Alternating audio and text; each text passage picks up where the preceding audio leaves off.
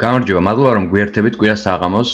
წინა რამდენიმე TikTok-ში უკვე ვახსენეთ Kafka და დღეს ვაპირებთ რომ ვესაუბროთ რომ დღეს უკვე ვაპირებთ რომ ვესაუბროთ ლევან კოხრეიძეს, რომელსაც დიდი გამოცდილება დაუგროვდა უკვე ამ დისტრიბუციულ სისტემასთან მუშაობის, არის თვითონ Kafka-ს open source contributor-ი. ზოგადად დისტრიბუციულ სისტემებთან თუ გიძებთ მუშაობა, Kafka-სთან Kafka-ს მაინც და მაინც დიდი ხანი გვერდს ვერ აუვლიდით. ასე რომ გონია რომ ბევრს გამოადგება ჩვენი დღევანდელი საუბარი. აა ლევანი დღეს გვერდება ესტონეთიდან. მადლობა ლევან, რომ დაგვთანხმდით საუბარს. როგორ ახლა? გამშვიდობის. შენ რა როგორ ხართ? მადლობა, კარგად. აა მოდი სანამ გადავალთ ამ კავკასზე და რასაკეთებ კავკასთან დაკავშირებით. აა დავიწყოთ საქართველოსში რასაკეთებდი და როგორ მოხდი ესტონეთში? აა საქართველოსში ისეც არაფერს არ ვაკეთებდი, ძირითადად სწავლობდი და შემდეგ ბაკალავრიატი რო დავამთავრე. გადავედი ესტონეთში მაგისტრატურაზე და იქ გავაგზავნე მაგისტრატურა ტარტუს უნივერსიტეტში. და შემდეგ იქიდან დაიწყო ძირითადად ჩემი კარიერა, რასაც ახლა ვაკეთებ. აა ტარტუს უნივერსიტეტიდან რას გვაქვს? ანუ რატო რატო გადაწყვეტე რომ მან წასულიყო მაგალითად ქართულ უნივერსიტეტთან შედარებით და როგორ ფიქრობ, რა მოგცა, რასაც აი საქართველოს ვერ მიიღებდი? ალბათ ან ის მაშინ რაც საქართველოს სწავლობდი უკვე გაკუნ მე და ჩანაოდენ მეგობარს უკვე ვიცოდეთ ტარტუს უნივერსიტეტში შესაძლოა და გვინდოდა უბრალოდ რომ უცხოეთში წავსულიყავით და გვეცადა იქ სწავლა. ამ და ტარტუ იმ დროისთვის software engineering კურსი ქონდა მაგისტრატურაზე, რაც ძალიან ძლიერი და კარგი კურსი იყო, იმიტომ რომ სხვა სხვა ამერიკის უნივერსიტეტებიდანაც იყვნენ ლექტორები და ასე შემდეგ, ну, დიდი კურსი იყო და ძალიან ძალიან კარგ საგნებს ასწავლდნენ. ალბათ მაგ განხრით თითი რამე მომცა, იმიტომ რომ შეიძლება ბევრისთვის არ იყოს ის სწავლის მეთოდები, რაც იქ არის, ვერ შეიძლება არ მოსწონდეს, იმიტომ რომ ძირითადად როცა საგნებს რო საგნებს როცა გადიხარ იქ დაღეჭილ ინფორმაციას არავინ არ გაწევს, რა ძირითადად გაწევენ რომ რაღაც პოინტერებს გაწევენ და შემდეგ შენ თუნდა განავრცო და და იმუშაო ძალიან ბევრი რომ რაღაც თქვა დავალებაში ასრულან კიდე საბოლოო ჯამში რაღაც პროექტი გააკეთონ რაღაც ეგეთი. მე მაგალითად ეგეთი სწავლის სისტემა ძალიან მოწონს, იმიტომ რომ შესაძლებლობა მომწონს რომ ჩემი რისერჩი გამეკეთებინა რაღაც რაც მაინტერესებს და იმ გახლით უფრო დეტალურად გამიგო რაღაცები და ასე შემდეგ. ამ საკალბათ ყველაზე დიდი რაც იყო ისე რომ ძალიან პრაქტიკულ ბევრი საგანი არც ისე პრაქტიკული იყო, უფრო მეტნაკლებად თეორიული, მაგრამ ზოგი საგანი ძალიან პრაქტიკული იყო. ამ რამაც თქვა დიდი კან კარგი საფუძვლები მომცა მაგალითად TDD-ის განხრით იყო ბევრი საგანი იყო software engineering და enterprise system-ებზე საგნები.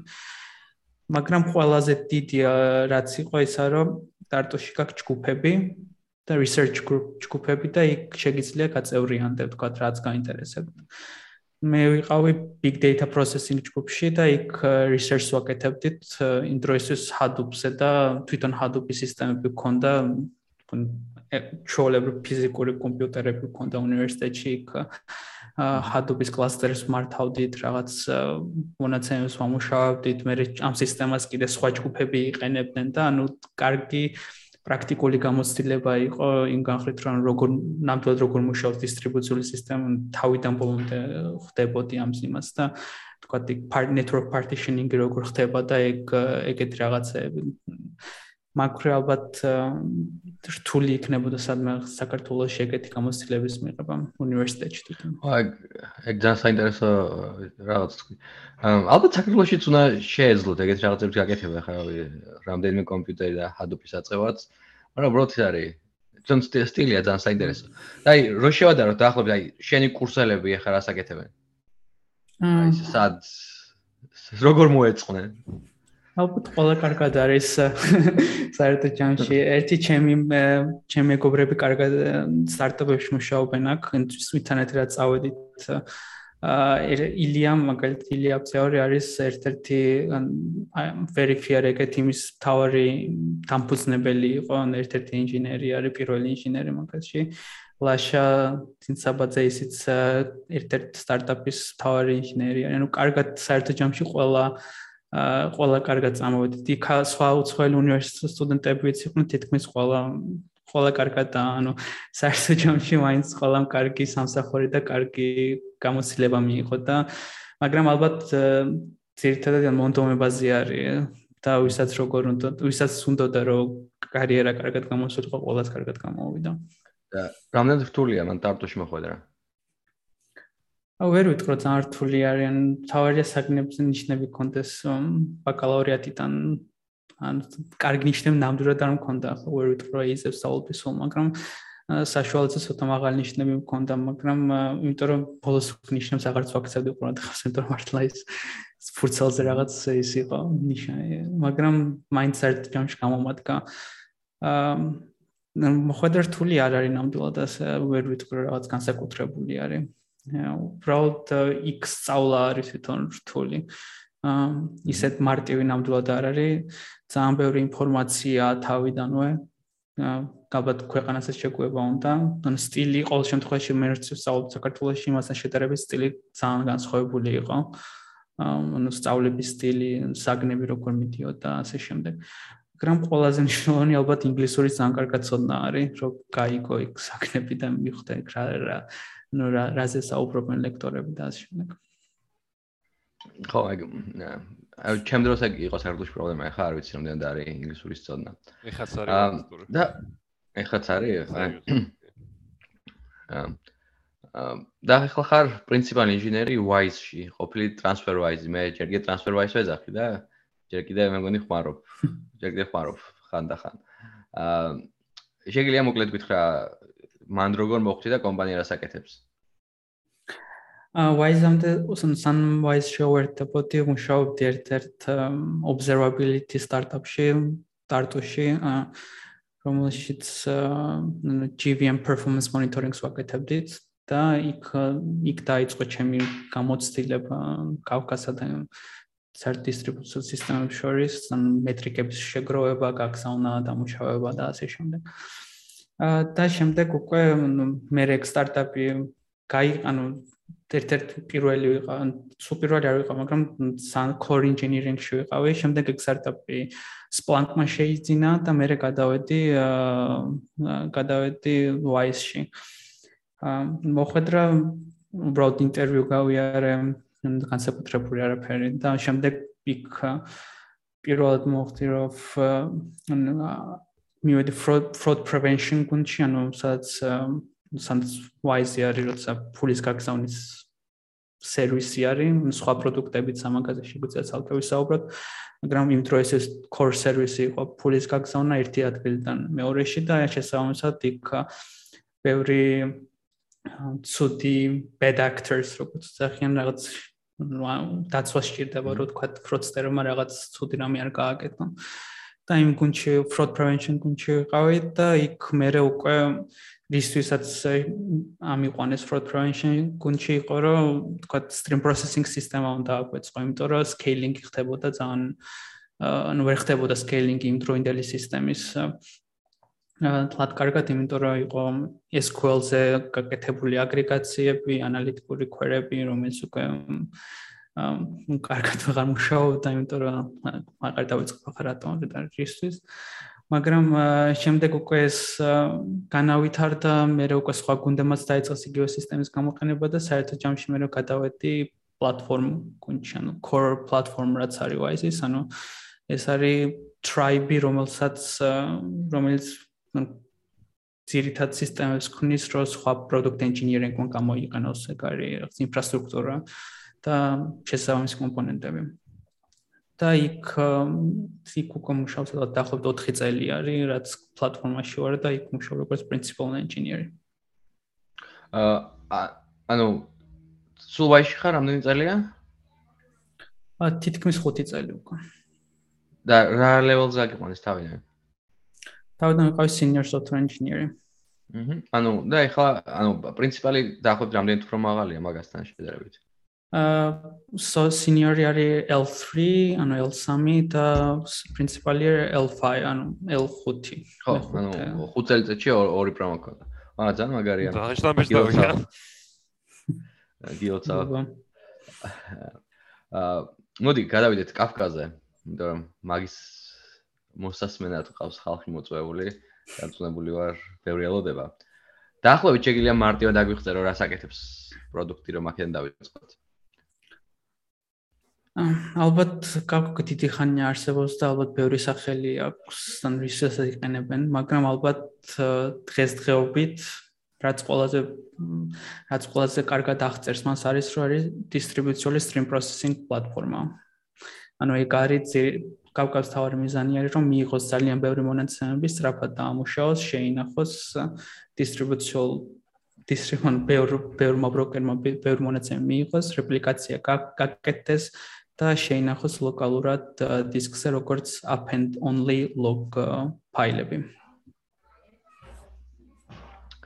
აა აი დაახლოებით data model-ზე შეიძლება ვიტყვი, აი რისი მიღება შეუულია და როგორ აღიქვამს და რა დინახავს და მე მაგის დისტრიბუციას რის მიხედვით დაკეთებს.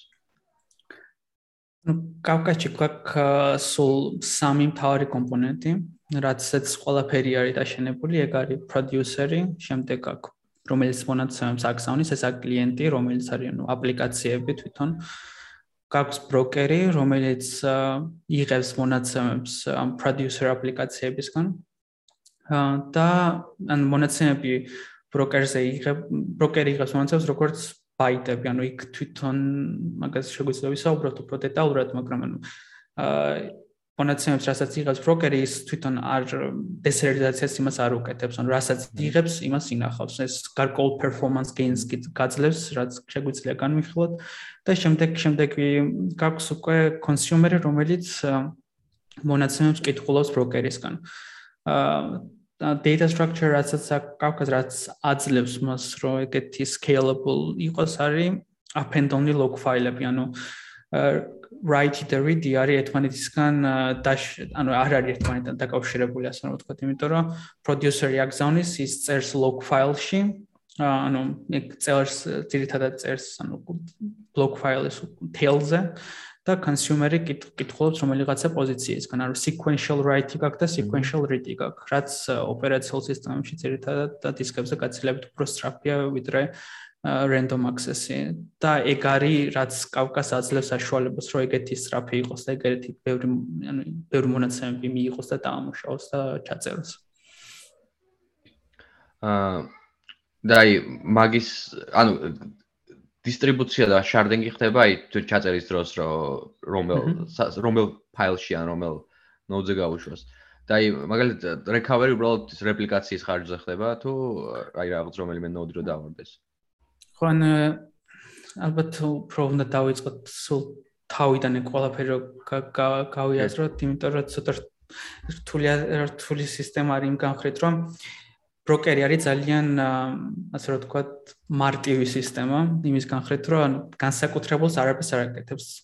ბროკერი არის ანუ გაროში ადარო ვთქვათ კავკას სხვა სისტემებთან რომელიც არის message queue სისტემები ვთქვათ სერვერი რაც არის ხო ის არის ძალიან დიდი და ბევრ ამას აკეთებს ვთქვათ უნდა წაშალოს მონაცემები უნდა შეინახოს და აგეთ დაამუშავოს ნახოს ვალიდაცია გაუკეთოს და ასე შემდეგ ბროკერი არ თითქმის არაფერს არ აკეთებს, იღებს მონაცემებს, წერს და და შემდეგ უკვე კონსიუმერს შეუძლია წაიკითხოს. ანუ ის თუ სად ჩაწეროს, თქვა რომელ გაკ თქვა ტოპიკი, რომელშიც მონაცემები იწერება და ამ ტოპიკი შეიძლება კონდეს ერთი ან მეტი partition-ი, თქვა ხუთი partition-ი სიტყვაზე.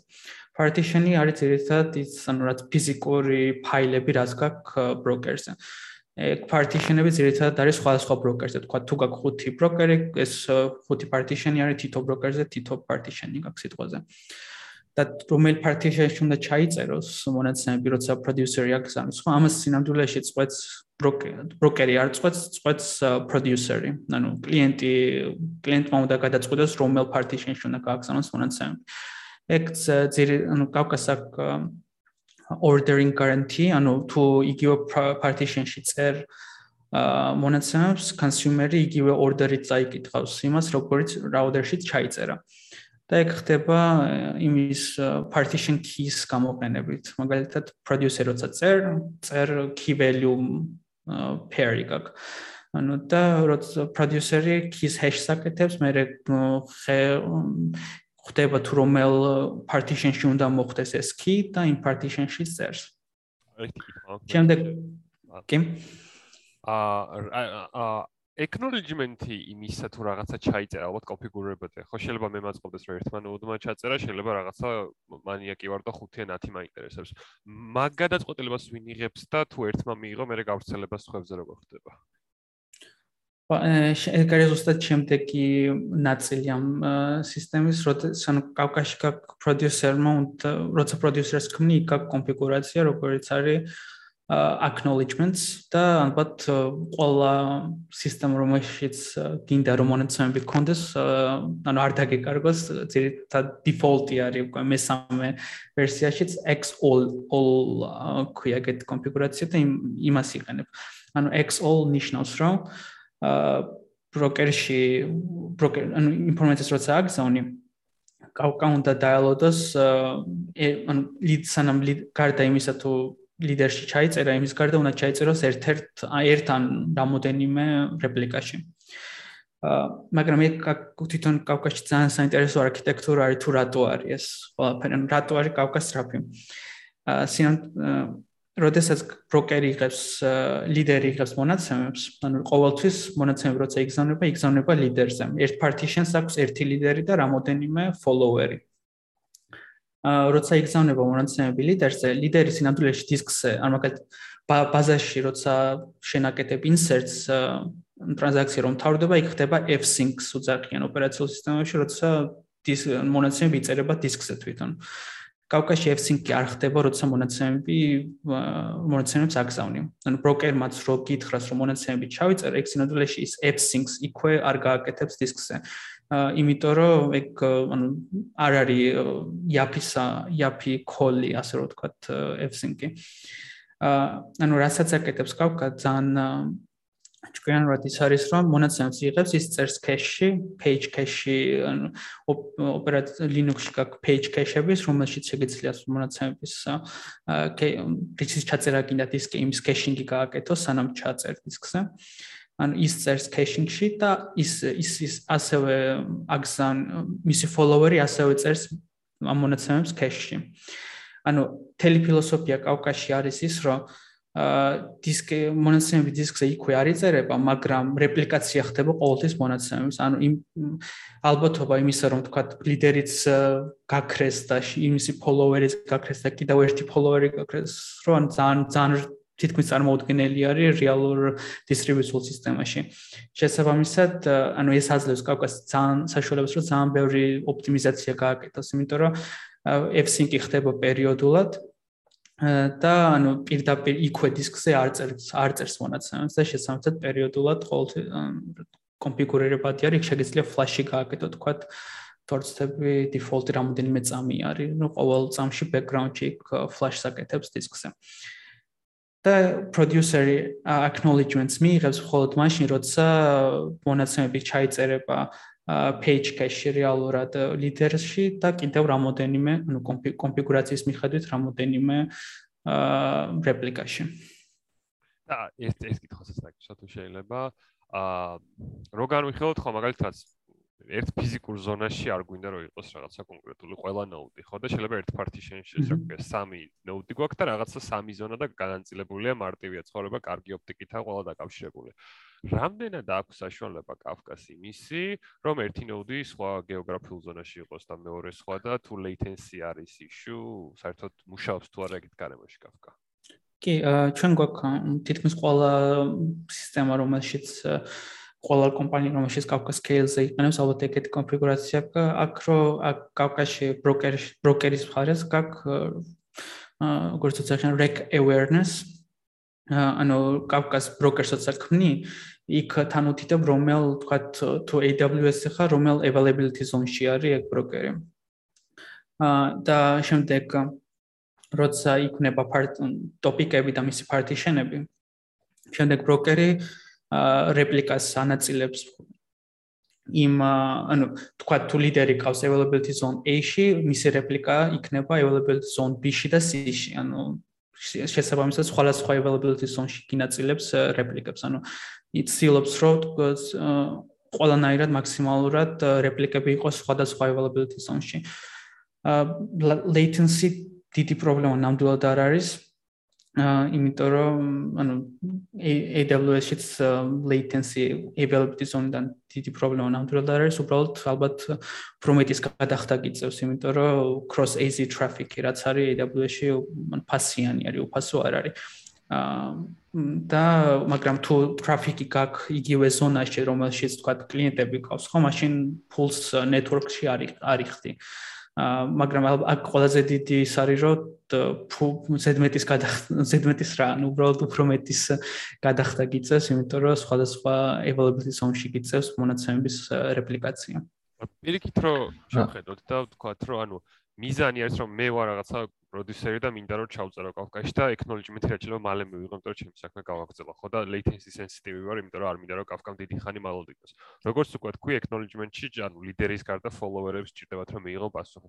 შეიძლება თუ არა დადგეს ესეთი სიტუაცია კავკაში, რომ მაგალითად იმდენად დიდი ხანი დაჭირდეს ლიდერსა და follower-ს ერთმანეთთან კომუნიკაციაში, იმიტომ რომ ერთ ზონაში კი არა მაგალითად რაღაცა ერთი არის east coast-ში, მეორეა west coast-ში და მე რაღაცა მალოდინონ რაღაცა 150 მილი და ჩემი საქმე გამიფუშდეს, ანუ რეალურად ეგეთი იშვები თუ ხდება და როგორ ალბათ ეგ გამოკიდებულია ბროკერი როგორ არის კონფიგურირებული თუ თქვა იგივე ერთი და იგივე region-ში გაქვს, ანუ თქვა მაგალითად Frankfurt-ში ან კიდე U East One-ში, არა უბრალოდ სხვადასხვა availability zone-ში გაქვს, ეგ პრობლემა ნამდვილად არ მგონია, ანუ არ არის, იმიტომ რომ ჩვენც ეგეთი კონფიგურაცია გვაქვს.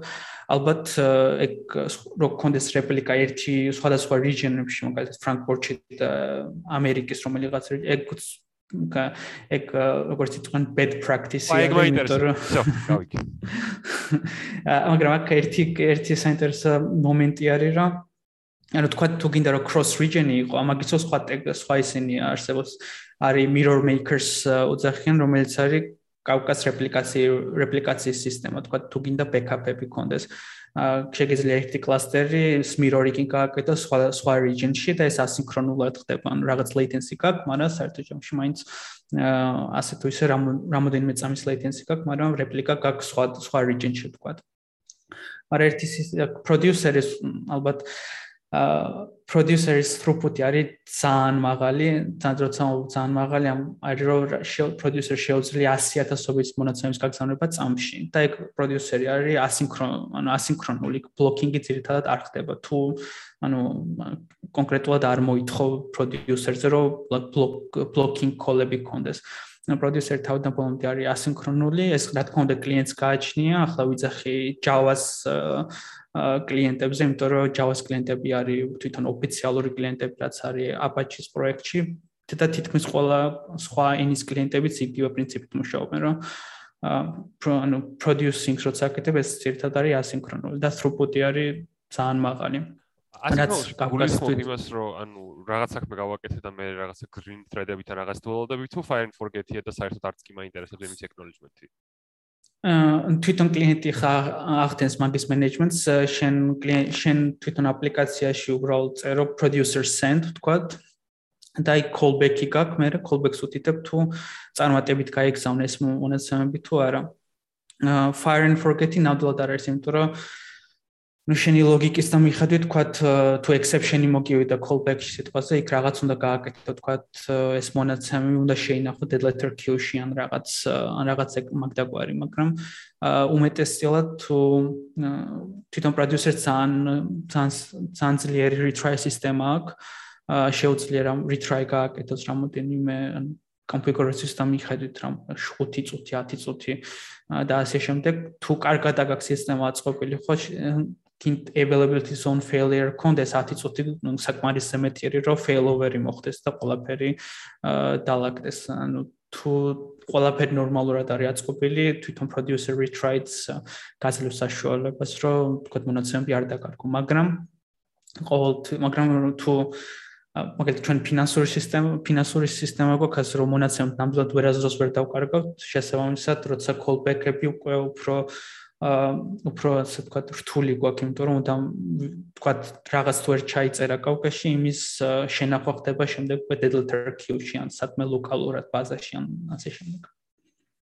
ესე იგი მადლობა. აგ ერთი კითხვა შემოვიდა მაგას დაკავშირებით თუ ASOS-გან აი split brain-ზე ორი ლიდერი რო გაჩნდეს იმის ალბათობა თუ არის და მაგითთან რეკავერი როგორ ხდება? ორი ლიდერის ალბათობა არ არის ანუ ახლა თავს ვერ თავდებ მაგას რომ ეგ რო არ არის მაგრამ პრაქტიკაში ორი ლიდერი არ გექნება არასდროს. ანუ ეგეთი ბაგი ნახდათ არ მარსობს არ მახსოვს კაკაში არა არა ბაგი ბაგად მაგრამ თეორიულად როგორ ხდება ის რომ ის network partitioning-ის შემთხვევაში როგორ network partitioning-ი შეიძლება რომ მოხდეს, მაგის ალბათობა არის, ანუ თვითონ ერთ-ერთი ტიკეტი არის, რომელზეც მუშაობენ, ასე რომ ვთქვათ, ეგ როს აღმოიფხვრას, მაგრამ ძირითადად partitioning-ი რაც შეიძლება მოხდეს, რაც ყველაზე ხშირად ხდება ხოლმე, არის ის, რომ ანუ როცა follower-ი აკეთებს რეპლიკაციას, ის fetching-ს აკეთებს ლიდერისგან წირი. ანუ ის ლიდერი თვითონ მონაცემს არ აგზავნის, მაგრამ false აკეთებს რეპლიკა. ანუ შეიძლება ისე მოხდეს, რომ ლიდერი იყოს თვითონ ნელი, ანუ fetch request-ებს სწრაფად ვერ ამუშავებდეს და გამოგივიდეს ისე, რომ შენი რეპლიკები თვითონ out of sync გახდეს. და შესაბამისად გაქვს ეგეთი სიტუაცია რომ მთელი partition-ი გაქვს offline იმის მიხა ანუ იმ იმ გახრეთ რომ ანუ თვითონ ამ ლიდერის მოშორება სწრაფად არ მოხდა მაგრამ არის რამოდენიმე კონფიგურაცია რის ანუ რის შედეგადაც ექსის შემიძლია მე სუსტად ეგ მოგვივიდა ერთ-ერთ availability zone failure-ში რომელშიც რამოდენიმე თითქმის და 12 საათი მუშაობდით მაგის აღმოფხვრაზე შემდეგში ისტორიაში შემიძლია მოყვა მაგრამ ან კონფიგურაციები შეიძლება რაღაც კონფიგურაციები შეიძლება ამის mitigation-ი გააკეთო რომ ეგ ეგ ეგ ეგ ეგ არ მოგივიდეს მაგრამ ყველაზე დიდი რისკი არის რომ თვითონ ლიდერი იყოს ნელი და ეს ამ ლიდერის მოშორება დროზე არ მოხდეს. მაგრამ რაღაც მეტრიკების ყურება შეგიძლია რომ ეგ ეგ წინას ან ეგ სწრაფად ნახო და მოაშორო ეგ ლიდერი. ჩვენს მენელებს ძალიან უყვარდა ეგეთი ეს кейსები, როცა რაღაც გაპუჩდა და მე როგორ გამოასწორებდა. ახლა შეგვიძლია რომ აგვიხსნა თუ არა გაქვს მაგაზე საუბრის საშუალება. აა კი მაქვს აი ანუ არაფერი განსაკუთრებული საიდუმლო არ არის. ჩვეულებრივი აა easy failure იყო ნო easy failure ის როცა აა თქვა სტატისტიკურად Amazon წელიწადში ერთხელ აქვს ხოლმე როცა ერთ-ერთი easy ყოველ შემთხვევაში ფრანკ ჩვენ ფრანკფურტში ვართ აა და ფრანკფურტში წელიწადში ან მეტნაკლებად სტაბილური არის მაგრამ წელიწადში ერთხელ რაღაც რომელიღაც easy შეიძლება რაღაც პრობლემები ჰქონდეს. სწორედ ეგეთ პრობლემები ეგეთ easy failures დროს ანუ კავკაში როცა გაკეთო ძახენ offline partitions ეგ არის ყველაზე ცუდი რამ რაც კი შეიძლება გქონდეს იმიტომ რომ ეგ ნიშნავს რომ პროდიუსერები ვერ ახდენენ ჩაწერას ანუ არ შეუძლიათ რომ ჩაწერონ. ა მონაცემს ვერ აგზავნენ და კონსიუმერებიც მონაცემს ვერ კითხულობენ ანუ რომელი რაღაც პარტიშენები გაქვს თავიდან ბოლომდე ანუ off down ანუ ვერ არაფერი არ ხდება მათზე. და on call ვიყავი ზუსტად ალბათ ერთი წლის წინ მოხდა ეგ ამბავი call ვიყავი და easy failure მოხდა. თვითონ მეტნაკლებად ვაიზე სტაბილურად იყო. მაგრამ კავკაზე ქონდა რამოდენიმე ასეული offline partition-ი. აა სიმართლე ანუ ჯერ offline partition რო დავინახე ალბათ ეგ იყო პირველი შოკი იმიტომ რომ საერთოდ არ უნდა მომხდარიყო ეგეთი სიტუაცია მაგრამ მოხდა. აა შესაბამისად მე როცა ვერა და ეს easy როცა ხდება easy failure როცა ხდება Amazon-ზე ყველაზე სუდი ისაა რომ შენ იმ ბროკერზე თითქოს ვერაფერს ვეღარ აკეთებ იმიტომ რომ API latency გაქვს ყველანაირი latency გაქვს ანუ ფაქტობრივად ანუ ვერც გათიშავ იმ ბროკერს, თქვა რესტარტს ვერ გავუკეთებ, ვერ ანუ ვერაფერს ვერ შეძლებ საერთოდ. ანუ ეს ბროკერი უბრალოდ გაჭედილი იყო კლიენტებსაც ჰქონდათ არასწორი მეტადატა, იმიტომ რომ დაკეშილი ჰქონდათ მეტადატა, რომელიც ბროკერს რომელიც საერთოდ აღარ ანუ ვერც წდებოდნენ იმ ბროკერს.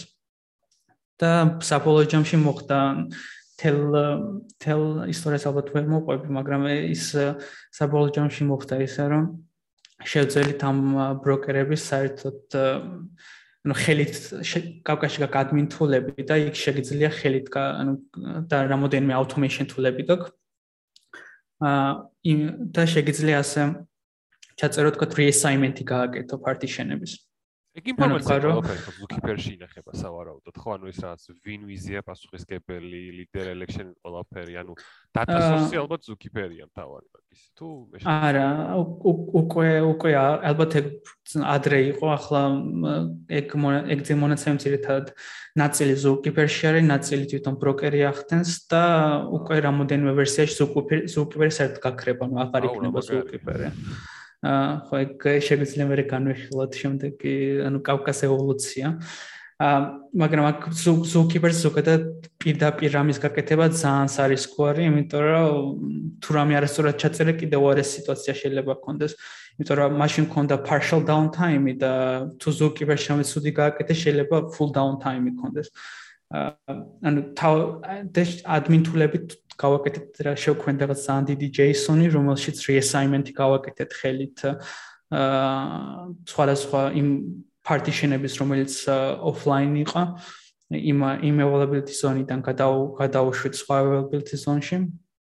და საბოლოო ჯამში მე სიტუაცია გამოკეთა, მაგრამ ეს ამ ყველაფერს დასჭირდა რამოდენიმე საათი, იმიტომ რომ DDA-ი failure იყო, თვალსები ხანძარი გაჩნდა ერთ-ერთ data center-ში. აა და VHS ხანძრთან ამ კავშირში ხო არ არის? თუ ეკიდე სხვა ისტორია. აა არ არის ეგ როდის მოხდა? შეიძლება ეგ იყოს ზუსტად. ოღონ AWS-ი არა, VHS ცალკე ისა ცნობილი ერთ-ერთი ყველაზე დიდი ვენდორია და მთელი data center-ი დაეწყო და მთელი ისტორიები იყო მაგაზე. არა, ეგ ეგ არა, ეგ არა.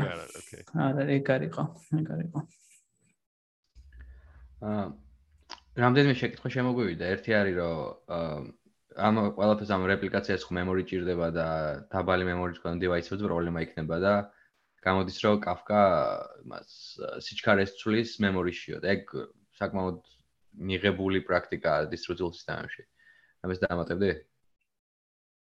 აა არა, ალბათ ეგ ჩოლებრივი, ჩოლებრივი ამბავი არის თითქმის თელდით სისტემაში რომელსაც მუშაობ იგივე მონაცემთა ბაზები თქვა MySQL მაგალითად თითქოს შენ tel queries ყოველთვის მემორიში შეინახოს.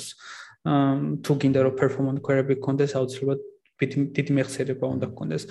და ზოგადად memory გაცილებით უფრო იაფი არის ვიდრე თქვა დისკზე ჩაწერა ანუ IO operation-ები იმასთან შედარებით უფრო იაფი არის ფულის მიხედვითაც და performance-ის მიხედვით.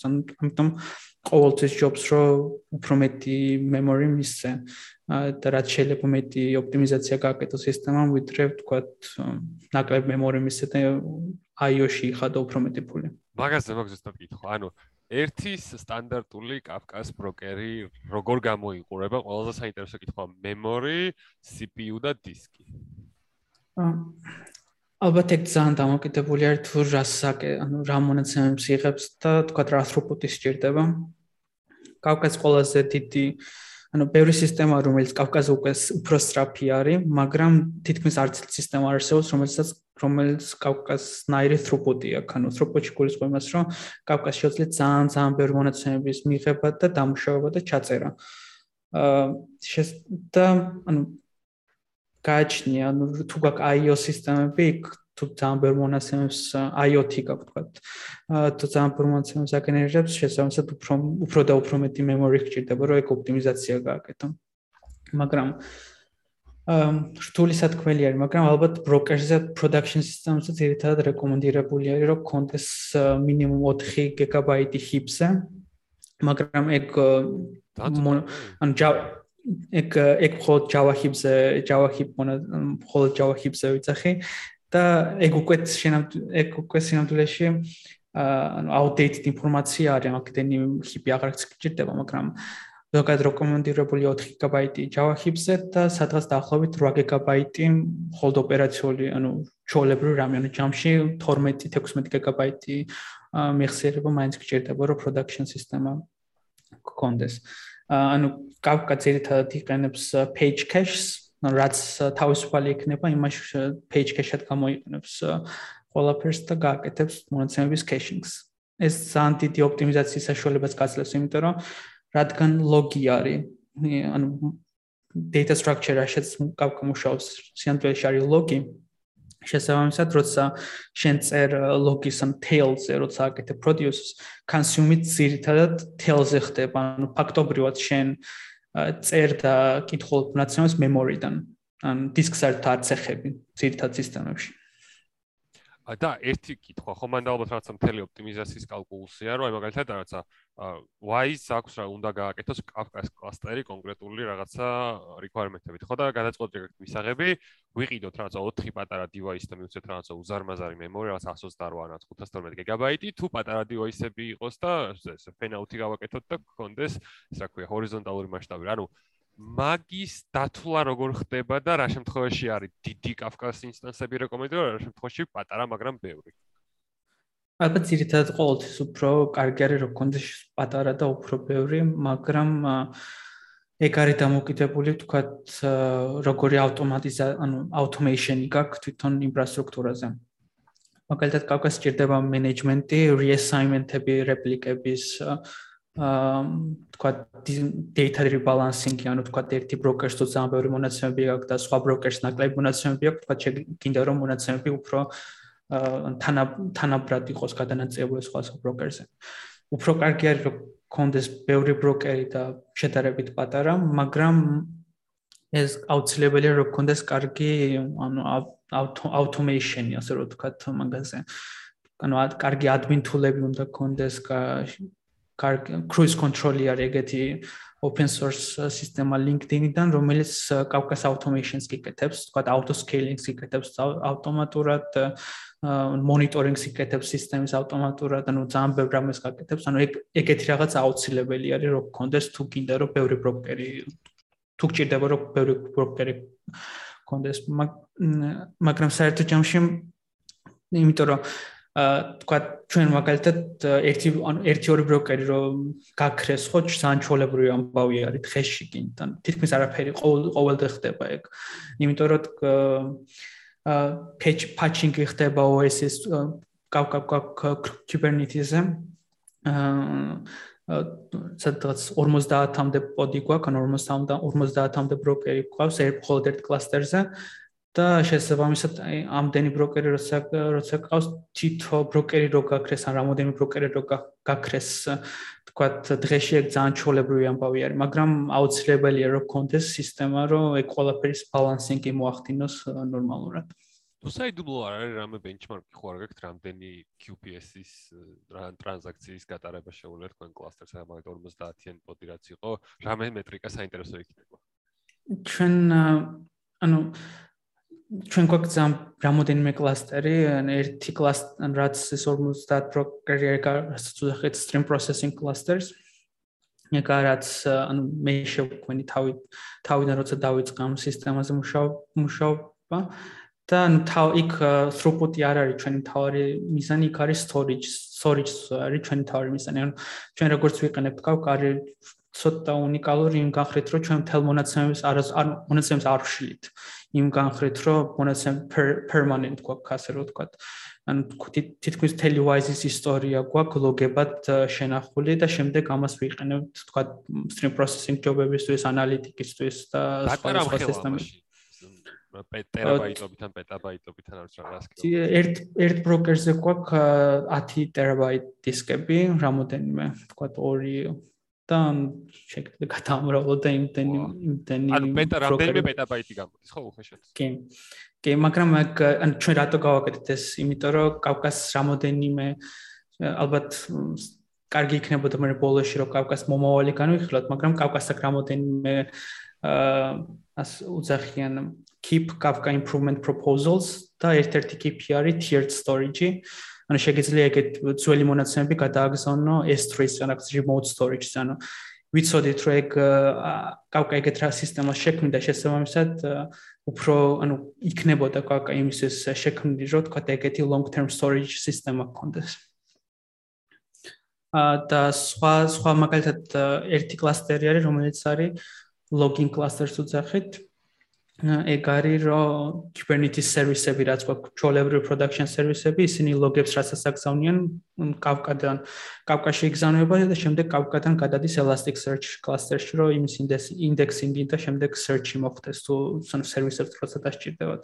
და კიდე რამოდენიმე სხვა კლასტერი გვაქვს service cluster-ი security cluster-ი ჟისი თქვა მინდა ამითი რომ თითო კლასტერზე რაღაც სხვა ანუ სხვადასხვა სტილი გვაქვს. Access pattern-ები სხვადასხვა სტილი გვაქვს და შესაბამისად სხვადასხვა კლასტერებს ვქნით ხოლმე როცა რაღაც რომელშიც რაღაც გარკვეული access pattern-ი გვაქვს. მაგალითად login cluster-ი რაც არის სუფთა ოპერაციული უბრალოდ იქ რაღაც service log-ები იგზავნება ძირითადად ხო? იქ throughput-ი throughput-ზე არის ოპტიმიზირებული დისკი გვაქვს რამოდენიმე გიგაბაიტი ან რამოდენიმე ასეული გიგაბაიტი, იმიტომ რომ რაღაც ბოლო 48 საათის ლოგები შეინახოს. მაგრამ იქ ოპტიმიზაცია არის throughput-ზე. კიდე გვაქვს service cluster-ი, სადაც messaging-ი ხდება, ანუ როგორც queue ისე იყენებენ და notification system-ისთვის იყენებენ. იქ ოპტიმიზაცია გაკეთებული latency-ზე, რომ რაც შეიძლება სწრაფად მოხდეს ერთი მონაც ერთი ადგილიდან მონაცემში, მეორე ადგილზე მონაცემში გადაგზავნა და ასე შემდეგ. აა რამდენიმე შეკითხვა შემოვიდა და მოდი ამას დავსვამ. აა ერთი არის რომ კაფკასა და აკას use case-ებს შორის რა სხვაობაა და ეს აკა მე არც გამიგია, არ ვიცი, AKKA. კი, აკა აქტორ სისტემა ალბათ ალბათ იდეოლოგიის მიხედვით თითქმის, ანუ ვერ ვიტყვი თითქმის ერთ და იგივე, მაგრამ კაფკაც თავიდან ალბათ სულ პირველი use case რაც იყო ესა publish subscribe-ი და აკაც თითქმის იგივე actor მოდელიც იგივე რამეზე არის აშენებული. ანუ მაგხრივ იდეოლოგიურად გვანან, მაგრამ ვერ ვიტყვი რომ ერთი და იგი ანუ ახლოს არიან დღეს ერთმანეთთან, იმიტომ რომ brokers გაცილებით ბევრ რამეს გაკეთება შეუძლია, რომ მონაცემების რაც შეიძლება ანუ სანდოთ შენახვა მოხდეს ასე რომ ვთქვა რომ მონაცემები არ დაიკარგოს და ასე შემდეგ როცა აკ ამოკ აკა ძირითადად in memory არის და persistence იმდენად არ არის ანუ ძირითადად უბრალოდ programming მოდელი არის ასე რომ აა ერთი შეკითხვა არის მონიტორინგზე და მაგას მოდი ცოტა მე შეგეკითხები მე ვისაუბროთ მონიტორინგზე აა და ერთი არის Kafka ისეთივე ეფექტურია სხვა კლიენტებისთვის, როგორიც Java-თვის თამარ საინტერესებს. აა თუ აქვს რამე თავსებადობის შეზღუდვები სხვა არა Java კლიენტებისთვის? აა უმეტესწილად Kafka-ს თითქმის ყველა აა ენაზეა კლიენტი. ანუ ეგეც კომპანია Confluent-ი რაც არის, ანუ ვიც Kafka-ს თავარი მეინტენერი ვიც არიან. იმათ აქვთ C client-ი RD Kafka-ს იყო ადრე და ახლა უკვე სხვა რაღაც ქვია, აღარ მახსოვს უბრალოდ. მაგრამ მოკლედ აზრი რომ C C ანუ low level client-ი არის C-ზე დაწერილი. და XC XC client-ი იყენებს შემდეგ Python-ი, Go client-ი, Ruby client-ი, source-ები და ასე შემდეგ. ყველაფერი თითქმის მასზე არის დაშენებული. და XC client-ი თითქმის როგორც მე ვიცი, თავიდან ბოლომდე თავსებადი არის Kafka-ს პროტოკოლზე. და რაც მაგაზი არის დაშენებული ავტომატურად ყველა ენა ყველა ენა მაგას იყენებს. ასე რომ ძალიან კარგი თავსებადობა აქვს. რაღაც შეზღუდვები არსებობს თქვა თუ ძალიან ძველი ბროკერი გყავს მაგალითად 0.11-იან რაღაც ეგეთიან და იყენებ თქვა 3-დან 0 კლიენტს ახლა რა თქმა უნდა ეგეთ შემთხვევაში რაღაც შეზღუდვები არსებობს. მაგრამ თუ ახალი ბროკერი გაქვს და ასე თუ ისე მეტნაკლებად მეტნაკლებად ახალი ბროკერი და ახალი კლიენტი არა პრობლემა ძირითადად არ არის ხოლმე. აა, სანდრო შენ კიდევ და რაღაც თქვა თუ არა? მე მე მაგ ერთი კითხვა თუ შეიძლება აა case equals to იყენებ და ზოგადად ანუ ეს case equals გამოყენება იგივე ანალიტიკის ან რაღაც სხვა მიზნებისთვის რამდენად მოსახერხებელია? Equals არ ვიყენებთ, მაგრამ ჩვენ გვაქვს stream processing სისტემა აშენებული Kafka Streams-ზე. case equal-ი იყენებს Kafka Streams, რომელიც არის ბიბლიოთეკა შეგნით, უბრალოდ SQL-ის დაწერაში, SQL-ს დაწერა შეგიძლია case equal-ზე. არ ვიყენებთ იმ განხრეთ, რომ ალბათ სტრიმინგისთვის ზოგადად სიკველის გამოყენება სტრიმინგისთვის როცა გინდა რომ სერვისები ანუ ოპერაციულად გამოიყენო ეს ასე როგორ აქვს რომ ჩვენ stream processing-ს ვიყენებთ თქვა ფულის გადახდის მან core სისტემაში ვიყენებთ მაგალითად ფული როცა იგზავნება ერთი ადგილიდან მეორეში ხო?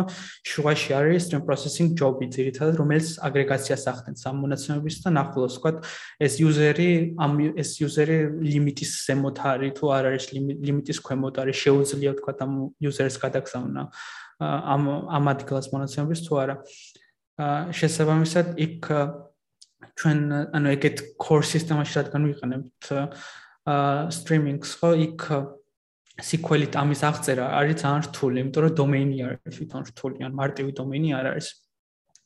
და იქ ბევრი რამის გაკეთება გჭირდება, deduplication მაგალითად. თქვათ აუცილებელი არის რომ მონაცემი რაც მოგდის, უნდა იყოს 100% დარწმუნებული, რომ ის მონაცემი, ანუ დუპლიკ დუპლიცირებული არ არის, ან შეს მონაცემი ჯერ კიდევ არ დაგიმუშავებია და ასე შემდეგ.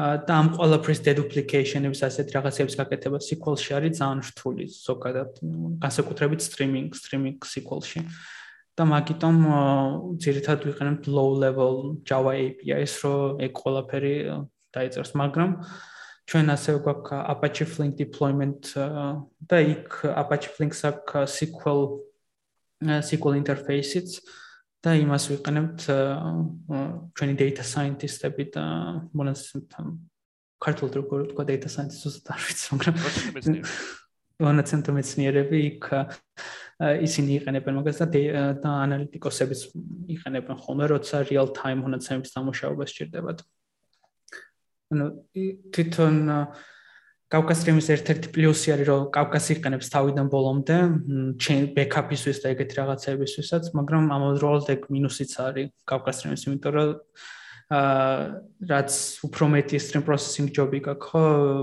მით უფრო დიდი კლასტერი შექმნა გიწევს. ანუ კლასტერი და აპლიკაციები თანაბრად უნდა scaling-ი აკეთო. ფლინკს ცოტა სხვა სხვა მიდგომა აქვს იმ განხრით, რომ კავკასი არ არის დამოკიდებული საკუთარი networking სისტემა აქვს, საკუთარი ეს backup სისტემა აქვს და ასე შემდეგ. და ასე რომ უფრო ადვილი არის მისი scaling-ი, ანუ პარალელურად. მაგრამ ფლინკს ცალკე სხვა პრობლემები აქვს, რომელიც ახლა ამ ამ talk-ისთვის ალბათ არ არის რელევანტური. დავით, ერთსაც ვიკითხა თუ შეიძლება თემატური კითხვა პროსტა. აა კონექტორებს და ზოგად ინტეგრაციებზე მაგ კითხვა, აი Kafka-ს თვითონ როგორ რაღაცა ერთხარ კონსუმერი ხარ პროდიუსერი. ხომ რაღაცა ხშირი პატერნებია ცნობილი ინტეგრაციების ხო რაღაც მაგალითად რელაციურ ბაზისზე ინტეგრაცია და რაღაცა CDC-ს გამოყენება ან რაღაცა სხვა ასევე high throughput სისტემასთან ინტეგრაცია და ბოლო ნაწილიც ეს ანალიტიკის და data pipeline-თან ინტეგრაცია რომელიც რაც რაღაცა ბეჭურია და ცოტა სხვა ეჭირდება აი თქვენი გამოცდილება როგორია? პერიფერიებში და არა ქორში ჩვენ გვაქვს ანუ კლიენტები, რომელიც დაშინებული არის core Java კლიენტებზე, ანუ კონექტორებს არ ვიყენებთ. CDC-ს საერთოდ არც ვიყენებთ, იმიტომ რომ ანუ ვიყენებდით, მაგრამ არ CDC პრაქტიკაში კარგად არ მუშაობს სხვადასხვა მიზეზები. სხვადასხვა მიზეზების გამო. ანუ ეგ სხვათა შორის არის დამოკიდებული თვითონ ორგანიზაცია როგორ არის დაფუძნებული. ანუ ჩვენ ვარ ძალიან ან Spotify მოდელი გვაქვს იმ განხრით რომ ყველა გუნდი ავტონომოს არის ანუ თვითონ აკეთებენ რასაც უნდათ დამოუკიდებლად მუშაობენ და ასე შემდეგ. და ჩვენ პლატფორმ გუნდი რაც ვარ ჩვენ ვარ ძირითადად tooling-ის ანუ ვაძლევთ რაღაც ბიბლიოთეკებს და რაღაც ეგეთ რაღაცებს რომ მაგათ სიცოცხლე გაუადვილოთ თქვა და სამუშაო უფრო ადვილად გააკეთონ. და როცა აკეთებ თქვა CDC რეპლიკაციას მაგალითად product engineering-ს ცხოვრებაში არ შეიძლება CDC-ს რაღაც debugging-ი გააკეთოს თუ რამე მოხდება. ანუ ფაქტობრივად შენ თუ CDC კონექტორები გააკეთებ თელ ორგანიზაციაში და ჩვენ ყავს რაღაც თითქმის 700-მდე engineering-ი, ანუ engineering engineering კოსტად 700-მდე სულ ხო წარმოვიდგინოთ რომ ერთი პლატფორმ გუნდს უნდა მონიტორინგი უნდა აკეთოს რაღაც 500-მდე თუ 600-მდე მონაცემთა ბაზების მონიტორინგის ასე შემდეგ. ანუ ფაქტობრივად ორგანიზაციულად ეგეთი სკეილინგი თითქმის წარმოუდგენელია რომ გააკეთო. მაგრამ ჩვენ გვაქვს ანუ ეს კლიენტები გვაქვს რომელსაც თვითონ product engineering გუნდები თვითონ საკუთარ სერვისებში იყენებენ და შემდეგ მაგითი ხდება კავკაში მონაცემების გაგზავნა და სხვა ჩვენ სისტემაში თითქმის ეგ ანუ ყველა შეუძლია რომ მონაცემები კავკაში საკუთარი API-ით გააგზავნონ. კონექტორებს იმდენად არ ვიყენებთ, მაგრამ საერთო ჯამში მაინც ვიყენებთ, რომ თვითონ სერვის რასაც ჭირდება, ხო ის სერვისიდან ხდება მონაცემების გაგზავნა. სისტემებს პირდაპირ არ უერთდებით ხოლმე. ანუ სისტემებს რასაც სერვისები იყენებენ, ეგ რაღაც implementation detail-ებან რაღაც თქვა ის Mongo-ს თუ იყენებს ან Postgres-ს ჩვენ არ გვაინტერესებს. ანუ სერვისი აგზავნებს თვითონ მონაცემებს კავკაში. რამე ისეთი use case არა გაქვთ, მაგალითად, აი, თქვენ ხო payment სისტემა ხართ ალბათ სხვა კიდე message broker message bus systems უინტეგრირდებით რომ რამე ეს ეფექტური ინტეგრაციის pipeline-ი რო იყოს ან კონექტორიდან რაღაცით რომ მაგალითად საბანკო სისტემასთან Swift-თან ან ვიღაცასთან Swift-ი თუთი მაგალითი ალბათ რაღაცა უკეთეს payment system სხვა payment system-ასთან მარტივი ინტეგრაცია გქონდა ეგეთი use case-ები არა გაქვთ? ყოველთვის სერვისი არის შუაში ანუ პირდაპირ კი ანუ იმიტომ რომ ყოველთვის რაღაც ინტეგრაციის უკან ყოველთვის ვიღაც გუნდი დგას ანუ ვიღაც უნდა ახდენს ამის მონიტორინგს, უნდა ახდენდეს ამის ინტეგრაციას და ანუ ყველაფერს ჩვენ პლატფორმ როგორც პლატფორმ გუნდი ამას არასდროს არ გავაკეთებთ, იმიტომ რომ ჩვენი დომეინი არ არის ეგ ძირითადად პროდუქტ გუნდები აკეთებენ და ისინი ყოველთვის ანუ ყოველთვის რაღაც სერვისი დგას შუაში, რომელიც ანუ ინტეგრაციას კავკასა და თქვა რაღაც open banking API-ის შორის. აა მოდი მაშინ მონიტორინგზე გადავიდეთ. ბაი, მონიტორინგს როგორ აკეთებთ კლასტერის და აი ერთი ყორო threshold-ებს როგორ აყენებთ, რაზეც alerting-ი გაქვთ. და აი რა alerting-ი გაქვთ და თვითონ როგორ არის გაწყობილი რა ვის გააღვიძებთ რომ დავარდეს რამე? აა broker-ზე თუ ანუ ვისაუბრ ფაუტერთან broker-ზე და კავკა კლასტერებზე თვითონ აა კავკა კლასტერის მონიტორინგს ჩვენ ვაკეთებთ. ანუ მე კონკრეტულად ერთ გუნდში აღარ ვარ, მაგრამ ყავს real time data platform, რომელიც რომელსაც აბარიას ყველა სხვა სხვა კლასი, ანუ იმ გუნდში ვიყავი მეც რამ რამ ერთი წლის უკან და real time data platform-ს აბარია ყველა კავკა კლასტერი, რაც რაც გვაქვს აისში. კავკაში გაქვს რამოდენი რამოდენიმე რაღაც golden signal, რომელსაც შეგიძლია მონიტორინგი გააუკეთო, რომ ნახო შენი კლასტერი თქვა კარგად მუშაობს თუ არა. აა მონიტორინგი თავ ნუ ყავს internal observability გუნდი, იმათ აქვთ Prometheus instance-ები, აა გვაქვს ლოკის ინსტანსები, გვაქვს კიდე ბევრი სხვა რაღაც, რომელიც უბრალოდ არც ვიცი. ან მოკლედ internal observability გვაქვს და იქ იქ ჩვენი კავკას ბროკერებიც იქ ახდენენ მეტრიკების გაგზავნას.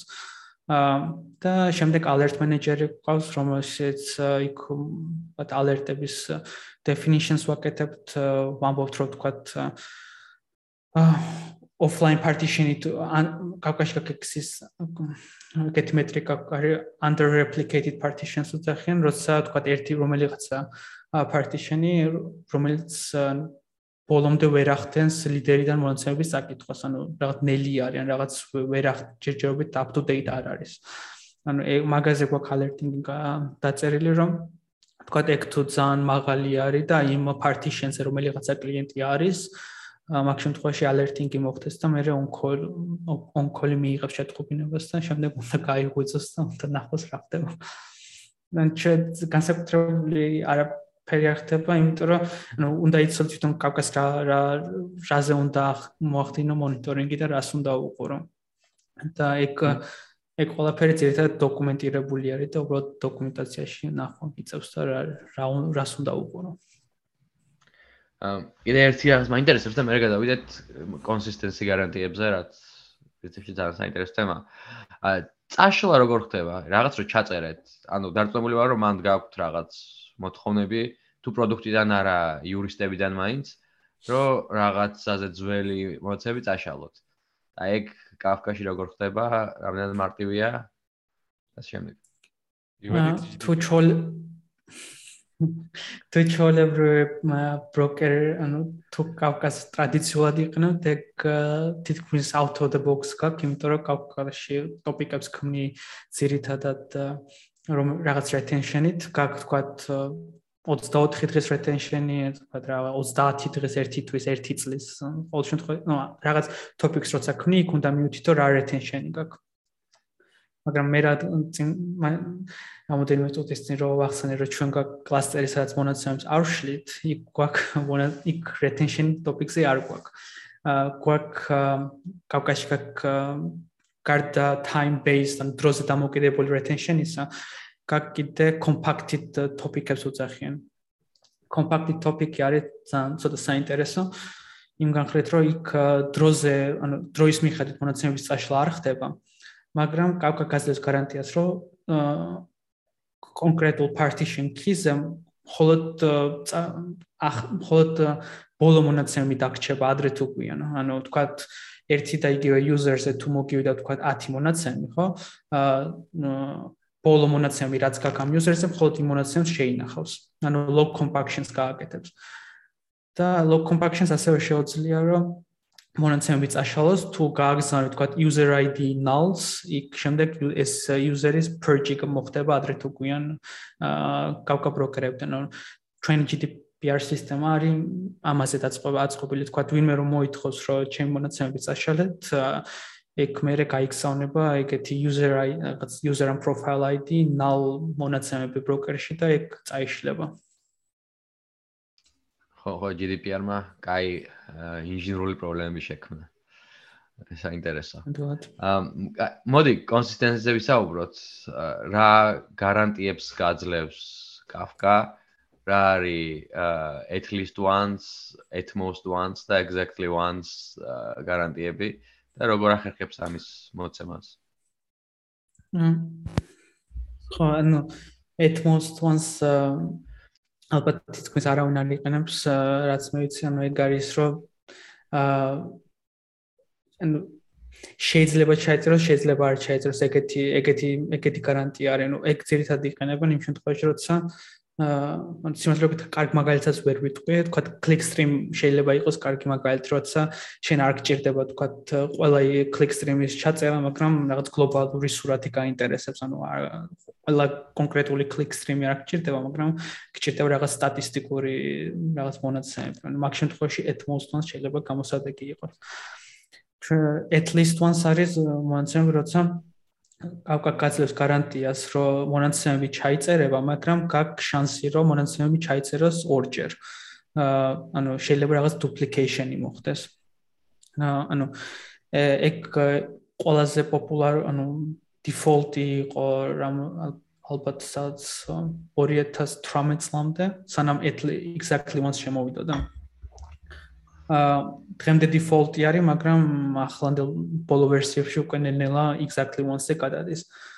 აა მინუსი იმისა, აა მინუსი at least once-ის არის, რომ ზუსტად consumer consumer-ზე გჭირდება, ანუ მონაცემს ვისაც მის კითხულობს, იმან უნდა შეძლოს დუპლიკაციის ან მიხვდეს, რომ ეს რაღაც მონაცემები უკვე დაამუშავა თუ არა, იმიტომ რომ შეიძლება ერთ-ერთი მონაცემები ორჯერ მოგივიდეს. exactly once როგორც სიტყვა ანუ თვითონ იძახის იქა რომ სუსტად ერთხელ ჩაიც მონაცემები ჩაიწერება ერთხელ და და იქ duplication-ი არ მოხდება. მაგრამ აქ ალბათ როგორც ყველა სისტემაში რაღაც არასწორი გაგება აქვს ალბათ ამასაც იმიტომ რომ ანუ რას ნიშნავს ახლა exactly მას ცოტა რთული რთული რთული რამე არის იმიტომ რომ ჩოლებრივი სისტემა როცა გაქვს, ვთქვათ, production-ში რაღაც, შენ მხოლოდ კავკას არაზოს არ იყენებ, ანუ იყენებ კავკას და ვთქვათ, მონაცემთა ბაზას ან კიდე რაღაც სხვას. ანუ შენ როცა შენ როცა გაქვს exactly one სისტემა, იქ იმას არ ნიშნავს, რომ ვთქვათ კავკას და Postgres შორის სიტყვაზე ან MySQL შორის კოორდინაცია არასდროს არ მოხდება. ანუ არ არ არის მაგ შესაძლებლობა, რომ ვთქვათ MySQL-ს MySQL-ის ტრანზაქციის rollback-ი რომ მოხდება, ხო? კავკას message-ის rollback-იც მოხდება იმავდროულად. ანუ ეგეთი რამე არ არსებობს. როცა ვამბობ exactly once კავკაში, ხო? ეგ ნიშნავს მხოლოდ exactly once კონკრეტულად კავკას სისტემაში და არა სხვა სისტემებში. ანუ პრაქტიკ პრაქტიკულად პრაქტიკაში შეიძლება ეგეთი გამოსედა გამოსედა კი არ იყოს, იმიტომ რომ შე ყოველთვის გექნება რაღაც სხვა კავკას გარდა. რაღაც ბაზა ასე შემდეგ. ანუ რაღაც მონაცემების დუპლიკაციის მაინც გჭირდება რომ ეგ მოაგვარო ეგ საქმე ასე რომ ვთქვა. ყველაზე გამოსადეგი ალბათ exactly once არის stream processing system-ებში, სადაც შეგიძლია ნამდვილად გარანტია გააკეთო, რომ თქვა მონაცემების ჩაწერა და წაკითხვა ხო ზუსტად ერთხელ მოხდება. ოღონდ მან მე მგონი გარანტია საინჟინრო უფრო ვიდრე სამეცნიერო, იმიტომ რომ მგონი კაკას ბიზანტიური მის კონსენსუსით შეგვიძლია დაამტკიცა, რომ პარტიშენი თუ შეიძლება მოხდეს უეჭველი აღმოჩნდება кейსი, სადაც რაღაცა შეიძლება მივიდეს და ვერ გაიგო, ან პირიქით შეიძლება გეგონოს რომ მივიდეს და არ არ მიიღო, მაგრამ ხო ალბათ ეფექტური მიზეზებისთვის, როგორც აი ის რო არის რომ page cache-ში ვინახავთ, ალბათ რაღაცა ეგეთი გარანტია, თორე ეს დისტრიბუციული სისტემების paper-ებში არ ამგონია შეიძლება იყოს საერთოდ თეორიულად exactly once. კი, ანუ ალბათ აქ ზუსტად ის აა სხვადასხვა ალბათ კავკა ტრანზაქციებს თუ იყენებ, ანუ კავკაშიც კავკა ტრანზაქციები, ხო? ალბათ მეტნაკლებად თითქმის ყველა failure აა ყველა failure modes გარანტიას მოგცემს, რომ exactly once მოგივიდეს. ალბათ ყველაზე რთული აქ რაც არის, არის ის, რომ producer man wins მონაცემებს აქვს ან ის მიხვდეს, რომ მონაცემები ჩაიწერა თუ არა. და ეგ უბრალოდ უბრალოდ აი კონფიგურაცია ამ ყველაფრის თელი სისტემის consumer-ის, broker-ის და producer-ის, ანუ ისე კარგად რომ ისე უნდა მოხდეს, რომ ამ ყველაფერმა ერთმანეთზე მიხვდნენ, რომ თქვა მონაცემები ჩაიწერა თუ არა. თუ ყველაფერი ნორმალურად არის კონფიგურირებული, ხო, მეტნაკლებად ხდება ამის გარანტია, რომ თქვა მონაცემების ჩაწერა და ანუ exactly once მოხდება. იმიტომ რომ გინ ბაზაშიც თქვა ხო იქაც რაღაც არსებობს რაღაც ასე რომ ვთქვა რაღაც რაღაც შეიძლება მოხდეს ისეთი რომ მონაცემები დაიკარგოს. ან ჩო არ არის ეგ წარმოუდგენელი ამბავი. აა კავკაშიც შეიძლება მოხდეს რომ მონაცემები დაიკარგოს მაგრამ უმეტესწილად ყოველ შემთხვევაში გაქვს იმის შესაძლებლობას რომ რაც ჩოლებრი failure done მომენტები რაც გაქვს იმ შემთხვევაში თავის ტკივილი აირიდო. მაგრამ ჩვენ არ ვიყენებთ ანუ ძირითადად ვიყენებთ at least once deliveries და მე deduplication-ი გვაქვს თითქმის ყველა consumer-ზე. ტრანზაქციები რა არის მე კი არ ვიცი და მაინტერესებს პოდიშტა. აა კი ტრანზაქციები არის ზუსტად იგივე რაც ბაზაში მონაცემთა relational ბაზებში გაქვს ხოლმე. აა relation base-ში ხო შეგიძლია rollback-ი გააკეთო, თქვათ, ერთ-ერთ table-ში თუ არ მოხდა, თქვათ, ჩაწერა, შეგიძლია სხვა, ანუ ტრანზაქციას რო აკეთებ, მე წერ თქვათ რამოდენიმე table-ში და მე აკომიტებ, თქვათ, ერთ-ერთ, ანუ all or nothing სიტუაცია იგივე რაღაც გაკეთება შეგიძლია იგივე რამე კავკაშიც, კავკა ტრანზაქციებით, შეგიძლია producer-ი აგზავნის მონაცემებს, თქვათ, რამოდენიმე topic-ში რო თქვა ხუთ ტოპიკში და შემდეგ ხუთივეში თუ ჩაიწერა შესაბამისად ტრანზაქციის კომიტი შეიძლება გააკეთო თქვა ერთ-ერთში თუ ერთ-ერთში მაინც თუ არ ჩაიწერა როლბექი ხდება ყველა ტოპიკიდან ანუ ეგეთი თუ როგორც ბაზაში სისტემა გაქვს თქვა ტრანზაქციების მენეჯმენტის იგივე API გაქვს კავკაშიც. ვა ძალიან მაგარია ძალიან სასარგებლოა ცოტი საინტერესო რაღაცა თქვა სანდრომ რო აი ეს ინჟინრულად ინჟინრული გარანტია და თეორიული გარანტია სხვადასხვა არისო და ეგ გამახსენდა ეს არის ხო გახსენილი მქონდა. აი ჯეპსენი ჯეპსენ ტესტები არის ერთი ტიპია ვინც ჩამოვარა ყველა დისტრიბუციულ სისტემას სადღაც 2000 სადღაც 12-დან დღემდე აკეთებს და ეგრეთ გაანადგურა ყველა რომ არც ერთი თქვენ რეალურად კარგად არ წერთო ხო და ეგეც ანუ კასანდრა ბოლო რაც შემოწმა იყო პრერელიზი, მაგრამ ეგეც ხო მანდაც იყო პრობლემები. მაგრამ ეგ კასანდრა არის გამონაკლისი. ალბათ ზუკიპერი არის ერთ-ერთი გამონაკლისი, რომელშიც ჯებსონმა აღიარა, რომ რაც გარანტიებს აძლევს, ის გარანტიები ნამდვილად არის. ხო. მე ახლა ზავს Elasticsearch-ზე მუშაობდით მაშინ და ეგ გამოვიდა ამის რეპორტი და რავი, ძალიან ის იყო. ვახ, ძალიან შარში შარში აღმოჩნდით უცებ.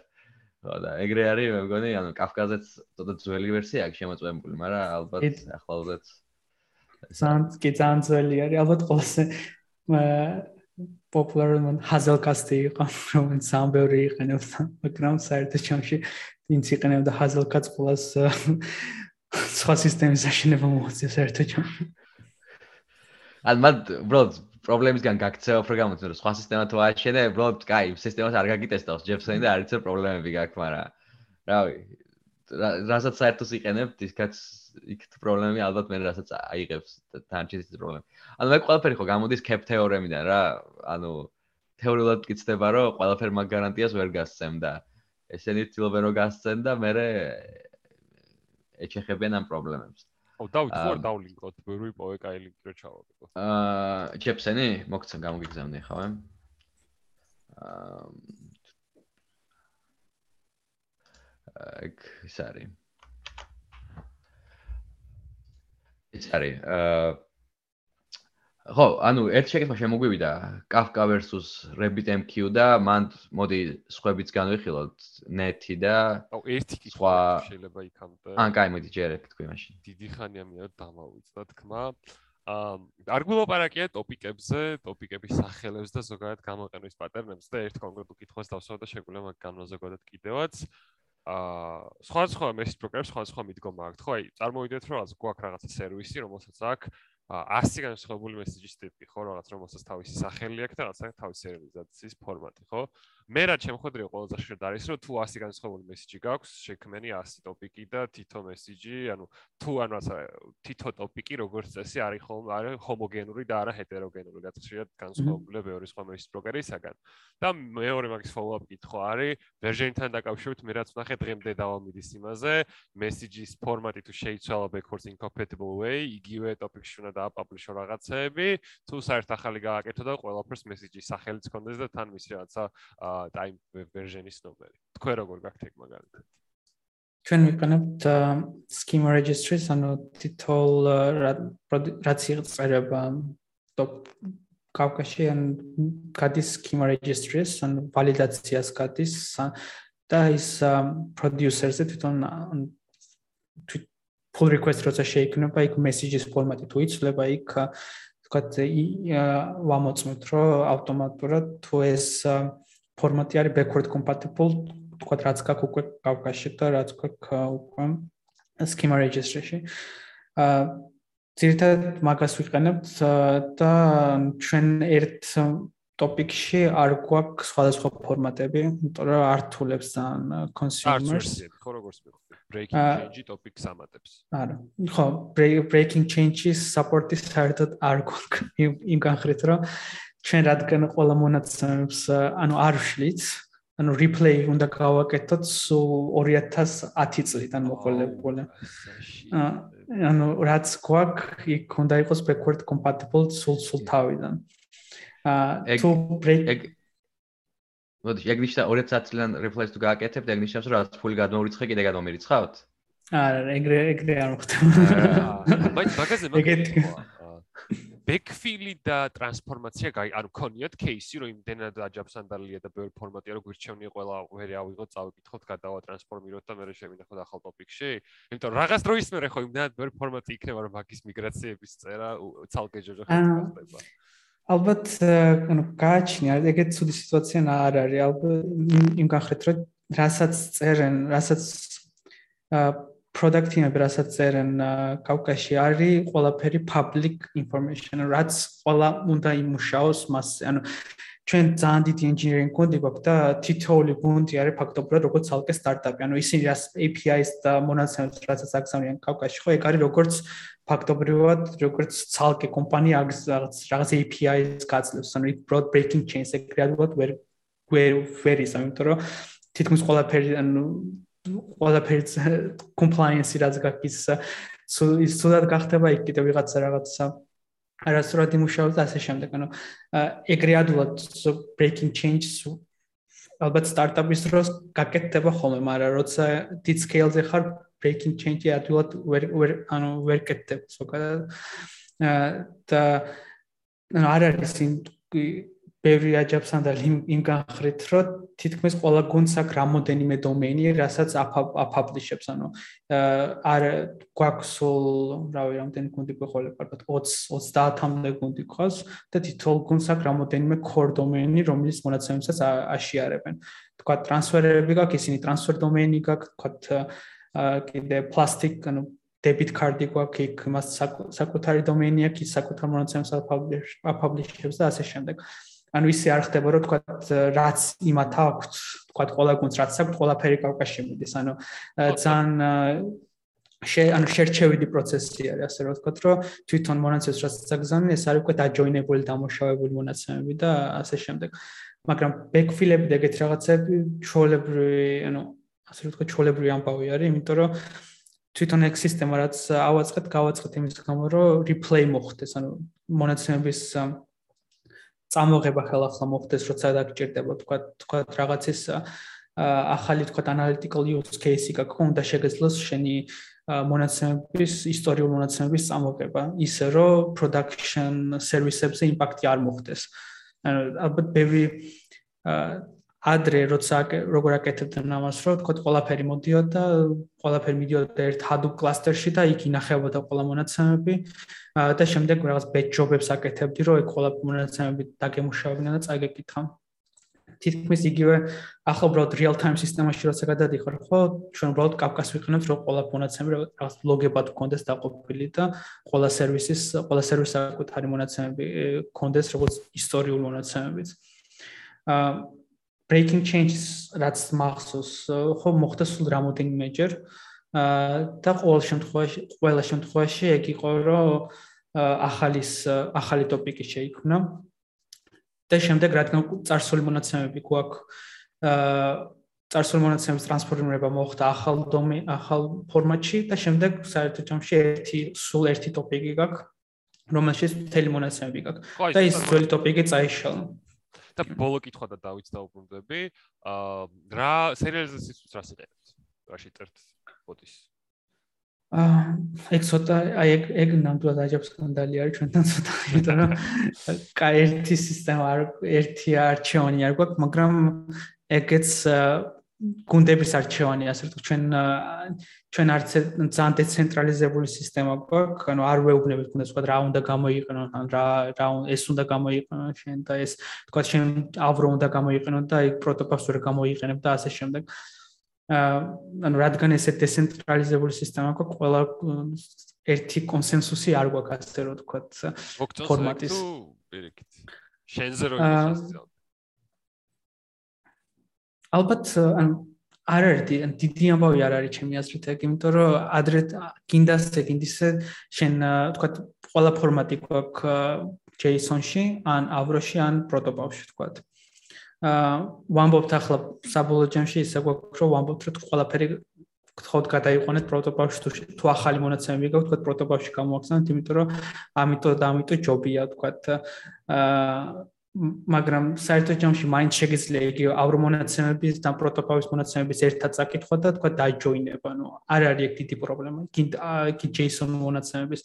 ანუ უბრალოდ და და მაინც გვაქვს თითქმის ყველა ფორმატზე გვაქვს API-ები, რომ ეგ მოხდეს ძალიან ადვილად, თქო, ეს product გუნდებისთვის ეგ შეუძლიათ რამო სხვა სხვა ფორმატის მონაცემები წაიკითხონ და მაინც საკუთარ ფორმატში გადაიყვანონ. დიდი პრობლემა არ აქვს ხოლმე, რომ ავრო და პროტოპაფი თქვა ერთიანად წაიკითხონ. ერთ დაუჩერას მიკროფონს დაწყობ რომ განსა პოტიში გაგაწყვეტინე. რაზე? აა მაგაზე. Google-დან გამომდინარე, Google-ში ძალიან განსხვავებული. აა, მე პროტობაფები, ყველაფერზე პროტობაფი უნდა იყოს აუცილებელია. ეს არის. მე არც ვერ წარმოგიდგენ რა პროტობაფის garaში რა სხვაც არის რამე? აა. არის მე ძალიან მივეჩვი ამ პროტობაფებს და უკვე რაღაც ის არის. დაჟე ხანდახან უბრალოდ ის რო გჭირდება. Java-ში რაღაც პოჯო ან რაღაც გჭირდება, იმის ნაცვლად პროტობაფს ვიყენებთ, იმიტომ რომ ძალიან მარტივია. აა მოდი ერთი შეკითხვა არის რომ wise-ში ghost use case-ზე რა ხდებაო თუ იყენებთ და უბრალოდ თუ Java-ზე გაქვთ ყველაფერი? აა ყველაფერი თითქმის Java-ზე არის, ანუ სერვისები რაც არის, core სერვისები JVM JVM-ზე არის. აა ghost ვიყენებთ, მაგრამ თითქოს ვიყენებთ Kubernetes ოპერატორებში, ანუ Kubernetes ოპერატორებს როცა მუშაობთ ან რაღაც ავტომატიზაციას ვაკეთებთ Kubernetes-ზე ან რაღაც ეგეთ რაღაცებს. ანუ მაგ ძირითადად პლატფორმ პლატფორმ გუნდებში გვაქვს use case-ები. მანდაც და მოდი ახლა შევადა გამოყენების საშუალება, თორე გამოიყენებდით დარწმუნებული ვარ.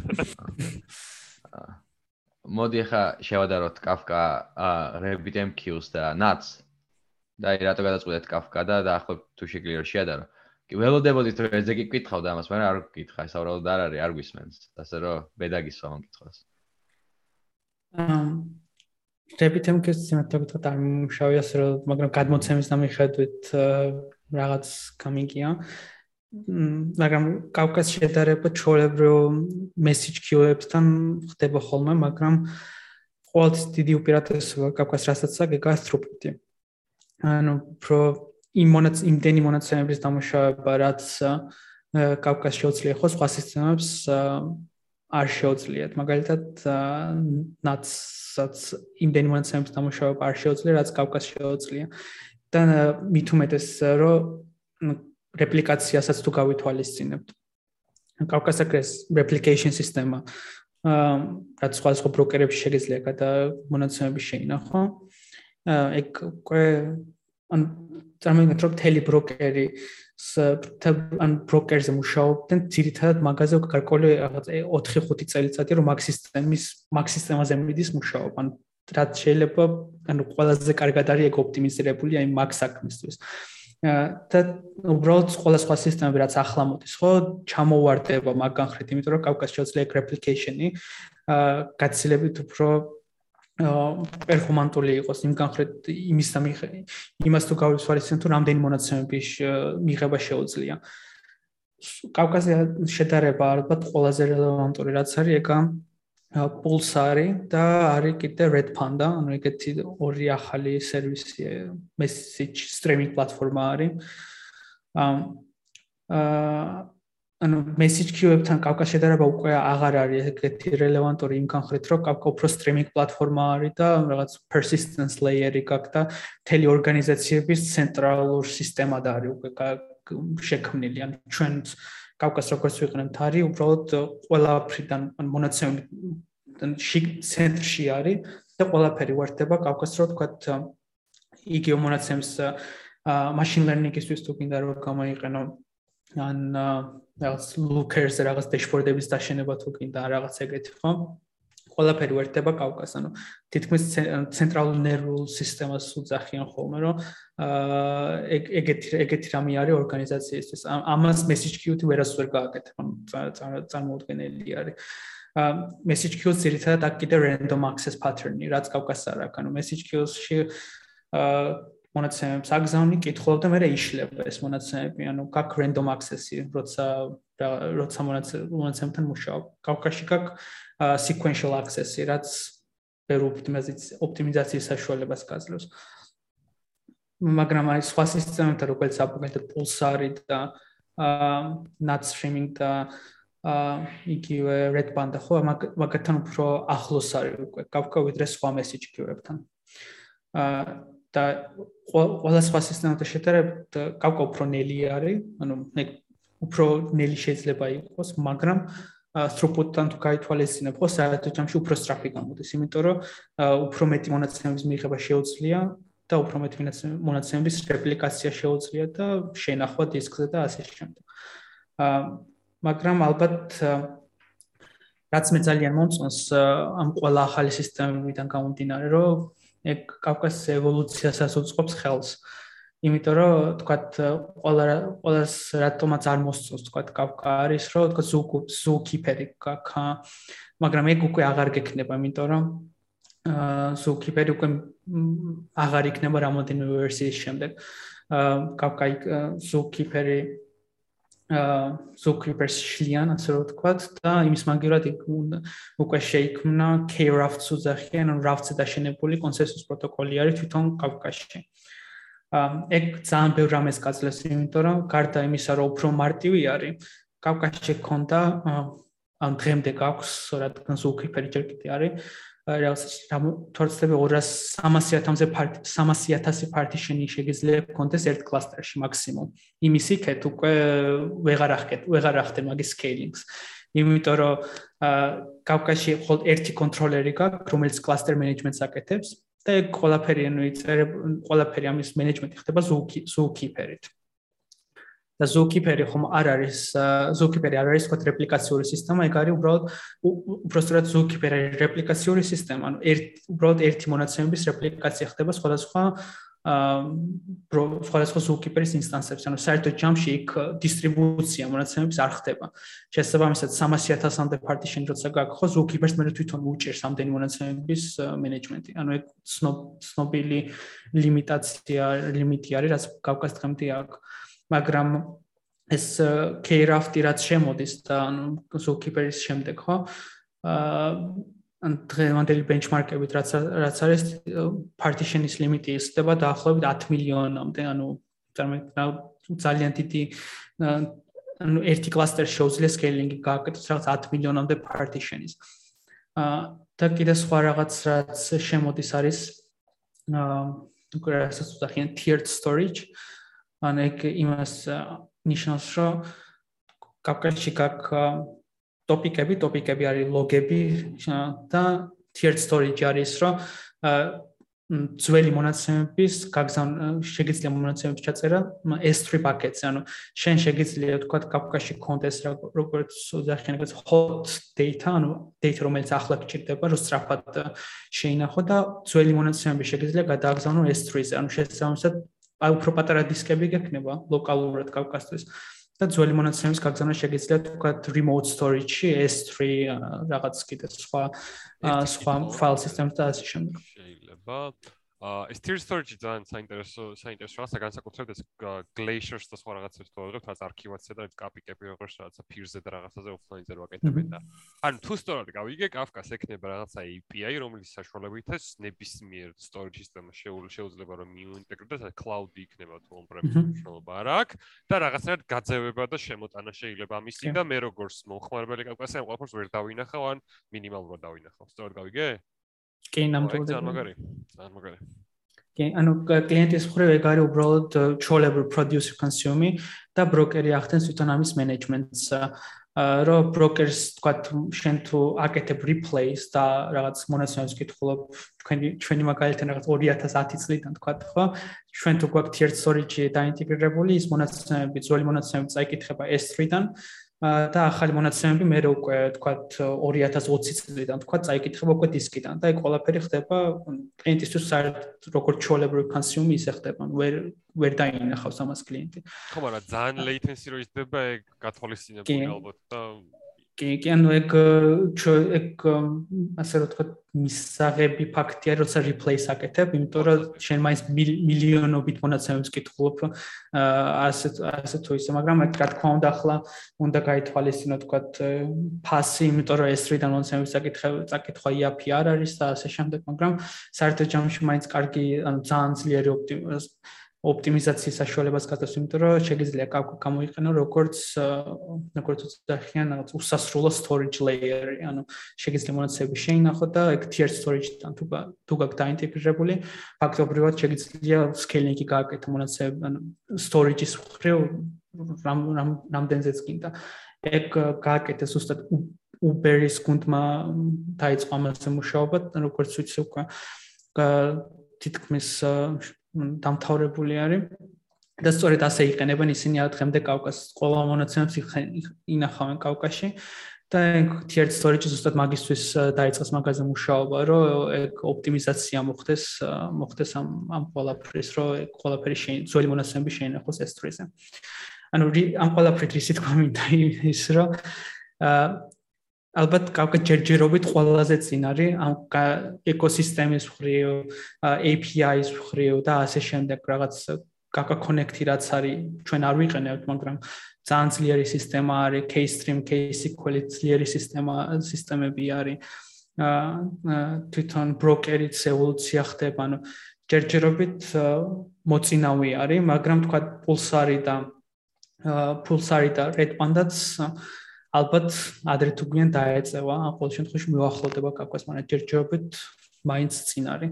აა latency შეიძლება ეგეთი კაი აღარ იყოს, როგორც თქვათ აა red panda-ზე არის ან pulsar-ზე, ან given not streaming-ზე, თქვათ, მაგრამ აა მაგრამ რეპლიკაციას გავითვალისწინებ, რომელიც გინდა ასე გინდისე მაინც გჭირდება, როცა production system-ზე მუშაობ. აა რეპლიკაციას თუ გავითვალისწინებ და throughput-ს ხომ ჯერჯერობით კავკა მაინც ყველაზე წინ არის.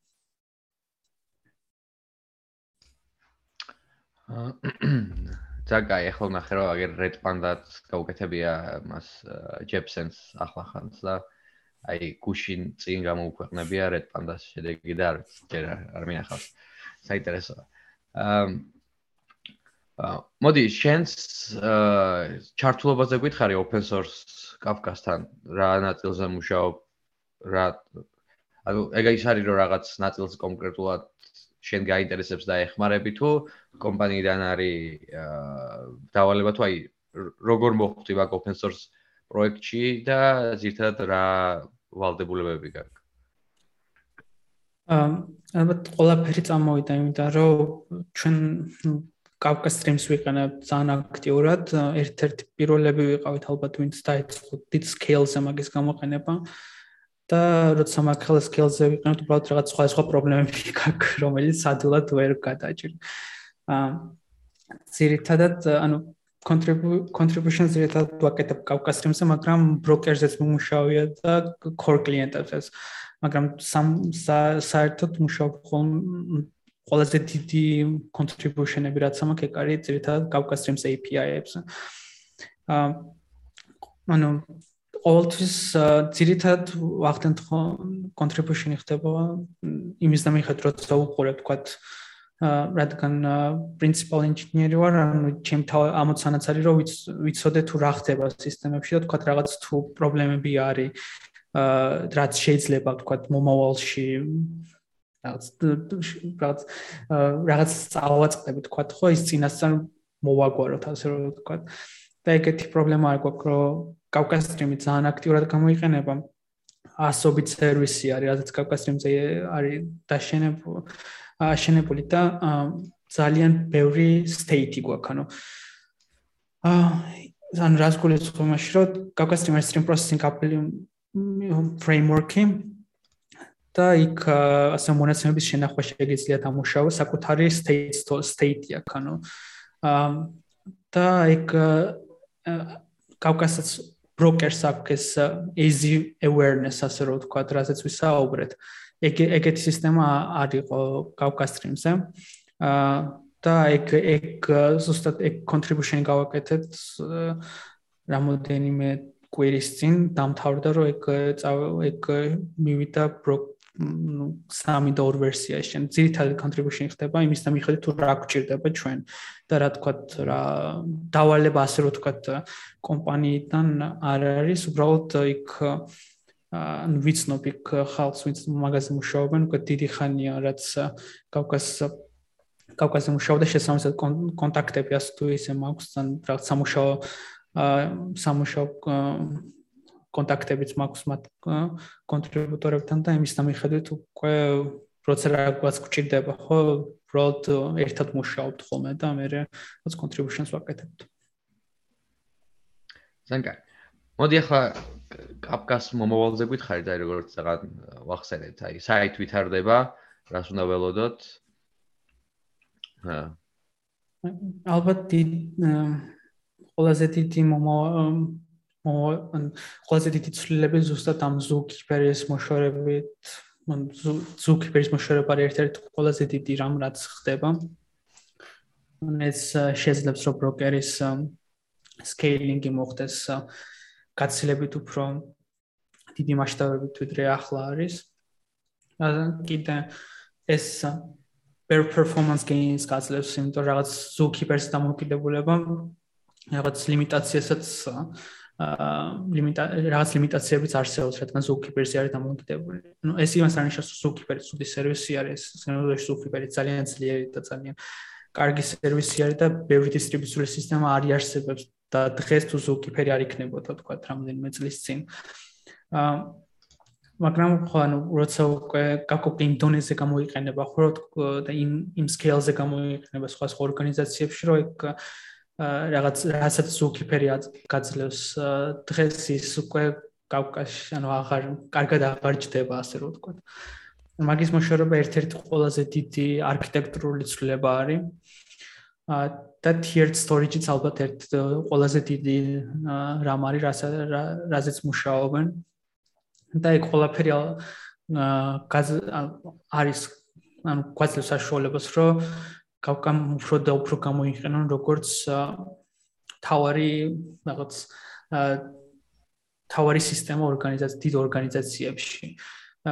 ბევრი კომპანია უკვე მაგაზე გადადის, გადადის იმ იმ განხრით, რომ კავკასი იყენებენ როგორც data integration-ებად, ანუ data integration layer-ად იყენებენ. თითქმის ყველა სერვისს კავკასთან ინტეგრაცია, აა kind produces მხრივ, consumes მხრივ, cloud სისტემებიდან დაწყებული, ჩოლებრივ API, ან ჩოლებრივ ბიბლიოთეკით დამთავრებული ყველაფერს აქვს კავკასთან ინტეგრაცია, ანუ ყველაფერი იმისკენ მიდის, რომ კავკა ხდება როგორც აი ცენტრალური სისტემა ორგანიზაციების, სადაც მონაცემები ინახება აა ასე რომ ვთქვათ, უსასრულოდ იმ განხრით, რომ როცა დაგჭირდება იმის replay შეიძლება გააკეთო და ასე შემდეგ. აუ ალბათ ალბათ ეგ ყველაფერი უფრო და უფრო, ანუ მაგისკენ წავა და მაგისკენ მომავალს მაგისკენ მიდის. ბევრი ბევრი სხვა რაღაც რაღაც ოპტიმიზაცია არსებობს რა თქმა უნდა. კლიენტებში რაც კავკას სტრიმშიც თვითონ და ასე შემდეგ მაგრამ ძირითადად მაინც აი ეს ორი არის ყველაზე გამორჩეული რაც ალბათ კავკას შემდეგ დონეზე აიყვანს. აა დიდი მადლობა სანდრო გაქრამე დამატებითი კითხვა არის სანდრო შენი ხმა ჩემს სერვისებს წერ და თან ცენტრალიზებულ კაფკას ვიყენებ პლატფორმის თემის, ხო? კაფკა ლოკალურად დასტარტული მაქვს, რაღაც სამი კაფკა მაქვს აწეული, სამი ზუქიფერი და ჩემი რამის ნახევარი კაფკას მიაქვს თუ როგორ მუშაობს ხალხი კაფკასთან დეველოპმენტ გარემოში სულ აინტერესებდა. აა ერთი ძირით ამ დროისთვის გჭირდება რომ კონდეს ერთი ზუ ერთი ბროკერი და ერთი ზუკიპერი ანუ ჩვენს დეველოპმენტი როგორც ხდება ანუ ინტეგრეიშენ ტესტებს როცა წერენ გუნდები ხო იყენებენ ტესტ კონტეინერებს ანუ დოკერში აქვს გაშენე უშვებენ კავკას და იქ ანუ ერთი ზუკიპერი არის ერთი ბროკერი არის და ანუ არ გჭირდება ნამდვილად რაღაც ბევრი რამე რომ ისცენ რაღაც პატარა თუ პატარა რაღაც ინტეგრეიშენ ტესტისთვის იყენებ თქვა იქ რაღაც პატარა მონაცემებს პატარა ოპერაციულ მასშტაბასაც თუმცა ეგეც იმუშავებს ჩვეულებრივად. აა ანუ ხო მაგ განხრით ალბათ გაამარტივა ცხოვრება ეს კონტეინერება იმ განხრით რომ ლოკალურად და ძალიან ჩოლებრივად შეიძლება კავკას გაშვება და ტოპიკის შექმნა, გაგზავნა, მე მიღება ამ მონაცემების უკან და მე ტესტების დაწერა იმის სამიხადეთ რომ თქვა თელი შენი flow მუშაობს თუ არა. მაგრამ რა თქმა რა თქმა უნდა, ცოტა ძლიერი კომპიუტერი გჭირდება ამ ყველაფერს, მაგრამ განსაკუთრებით. როცა სიმდიდრე კომპანია ყიდულობს. ყველა სემერთი პრო პროდუქტად საბოლოო ვერსია მას. აა მაშინ და ეს რაღაც ჩაგიკითხებ მაგ თემაზე. აა ჩაულებრო პროდუქტის ინჟინერს, პროდუქტის დეველოპერს რამდენად ხშირად უწევს რეალურად კაფკასთან შეხება? ანუ ისეთი რაღაც არადაც ყოველდღე ეხება და უეჭველი იჭirdება თუ შეიძლება ვიღას პროდუქტის ტიპი ისე მუშაობდეს თავის საქმეზე, რომ რაღაც სამ კვირაში ერთხელ დაჭirdეს დასტარება? ამ თან ჩვენთან თითქმის ყოველას უწევს მან ყოველდღიურად კაფკასთან შეხება. ალბათ ჩვენი Slack Slack channel-ი ალბათ ყველაზე პოპულარული არის აა ყველა სხვა ყველა სხვა channel-თან შედარებით, რაც პლატფორმიდან არის. რომ კიდას კიდს ყველა ყველა უწევს შეხება. შეიძლება სხვა სხვა დონეზე, ანუ ძირითადი ანუ კავკაში ძალიან ბევრი abstraction layer-ი გაქვს, თქვა Spring frameworks თუ იყენებ Java-ში, Spring საკუთარი კავკა კლიენტი კლიენტი რანუ საკუთარი კავკა ინტეგრაცია აქვს, რომელშიც ანუ ერთი ხაზის დაწერა გიწევს და იქ მონაცემების წაკითხვა შეგიძლია, ანუ რაღაც რთული API-ის რაღაცის დაწერა არ გიწევს. და შესაძლოა ძალიან ანუ გამარტივებული არის კავკასთან კავკასთან მუშაობა, ან გააჩნია რა რა დონეზე კიდე რომ გამოიყენო, თქვა ტრანზაქციებს თუ იყენებ, იქ რა თქმა უნდა ცოტა უფრო რთული არის, ახლა თუ ჩოლებრივი გაგზავნა მიიღება არის მონაცემების, რაც 90% არის, გაცილებით უფრო მარტივი არის. მაგრამ ყოველას უწევს ყოველას უწევს კავკასთან მუშაობა. ჩვენ კიდე ალბათ ერთი საინტერესო რამ რაც შემიძლია თქვა არის კავკასთან შედარებით კავკასთან მიმართებაში არის რომ როგორ იყენებენ კავკას ვთქვათ მონაცემთა მეცნიერები ან ანალიტიკოსები ვთქვათ აა ჩვენ გვაქვს ეგეთი სერვისი არის როგორ Facebook-ში შეიქმნა თავის დროზე ტრინოქვია აა და ახლა არის სერვისი Starburst რომელსაც შეუძლია რომელიც არის query engine ანუ შეუძლია მონაცემების ანუ მიერთება სხვადასხვა სისტემებზე და ანუ მონაცემის რეპლიკაციას არ აკეთებს, უბრალოდ შეგიძლია SQL-ი დაწერო და თქვა მონაცემების წაკითხვა Kafka-დან, Snowflake-დან, თქვა კიდე რომელიღაცა სხვა სერვისებიდან და ასე შემდეგ. და query engine, ზუსტად query engine-ი გვაქვს ჩვენს აა Wise-ში და ანალიტიკოსები და მონაცემთა მეცნიერების მაგას იყენებენ, ანუ SQL-ს წერენ და კავკადან კითხულობთ მონაცემებს და ჩოლებრად მუშაობენ მაგას მუშაობენ მაგასთან როგორც ჩოლებრო თქვა როგორც Snowflake-თან კიდე როგორც Postgres-თან და ასე შემდეგ. ანუ რაღაც ამის მithkomenda რომ რაღაც აბსტრაქციების ამიხედვით ნაკლებად შეიძლება ხედავდე კავკას, მაგრამ აა ყოველას უწევს რაღაც რაღაც ხრივ მაგასთან მუშაობა. გასაგები, დიდი მადლობა. დიდი მადლობა, მე მგონი მოვჩით შეგვიძლია წავიყვანოთ ბოლოსკენ, ხო სანდრო? კი. აა დიდი მადლობა, ლევან, ძალიან უმწურავი ინფორმაცია მოგვაწოდე. ასე დაწვრილებით ალბათ ვერავინ არ გვიხსნა სხვა ქართულ კავკას. აა ეს ჩანაწერი დაიდება ჩვენს Facebook გვერდზე, ჩვენს YouTube გვერდზე, სადაც შეგიძლიათ გამოგვიწეროთ და ასევე TikTok G-ზე. აა მომავალში დავრუნდებით სხვა საინტერესო საუბრებით. ეს დიდი მადლობა. მადლობა ლევან ნახონდეს დიდი მადლობა ნახონდეს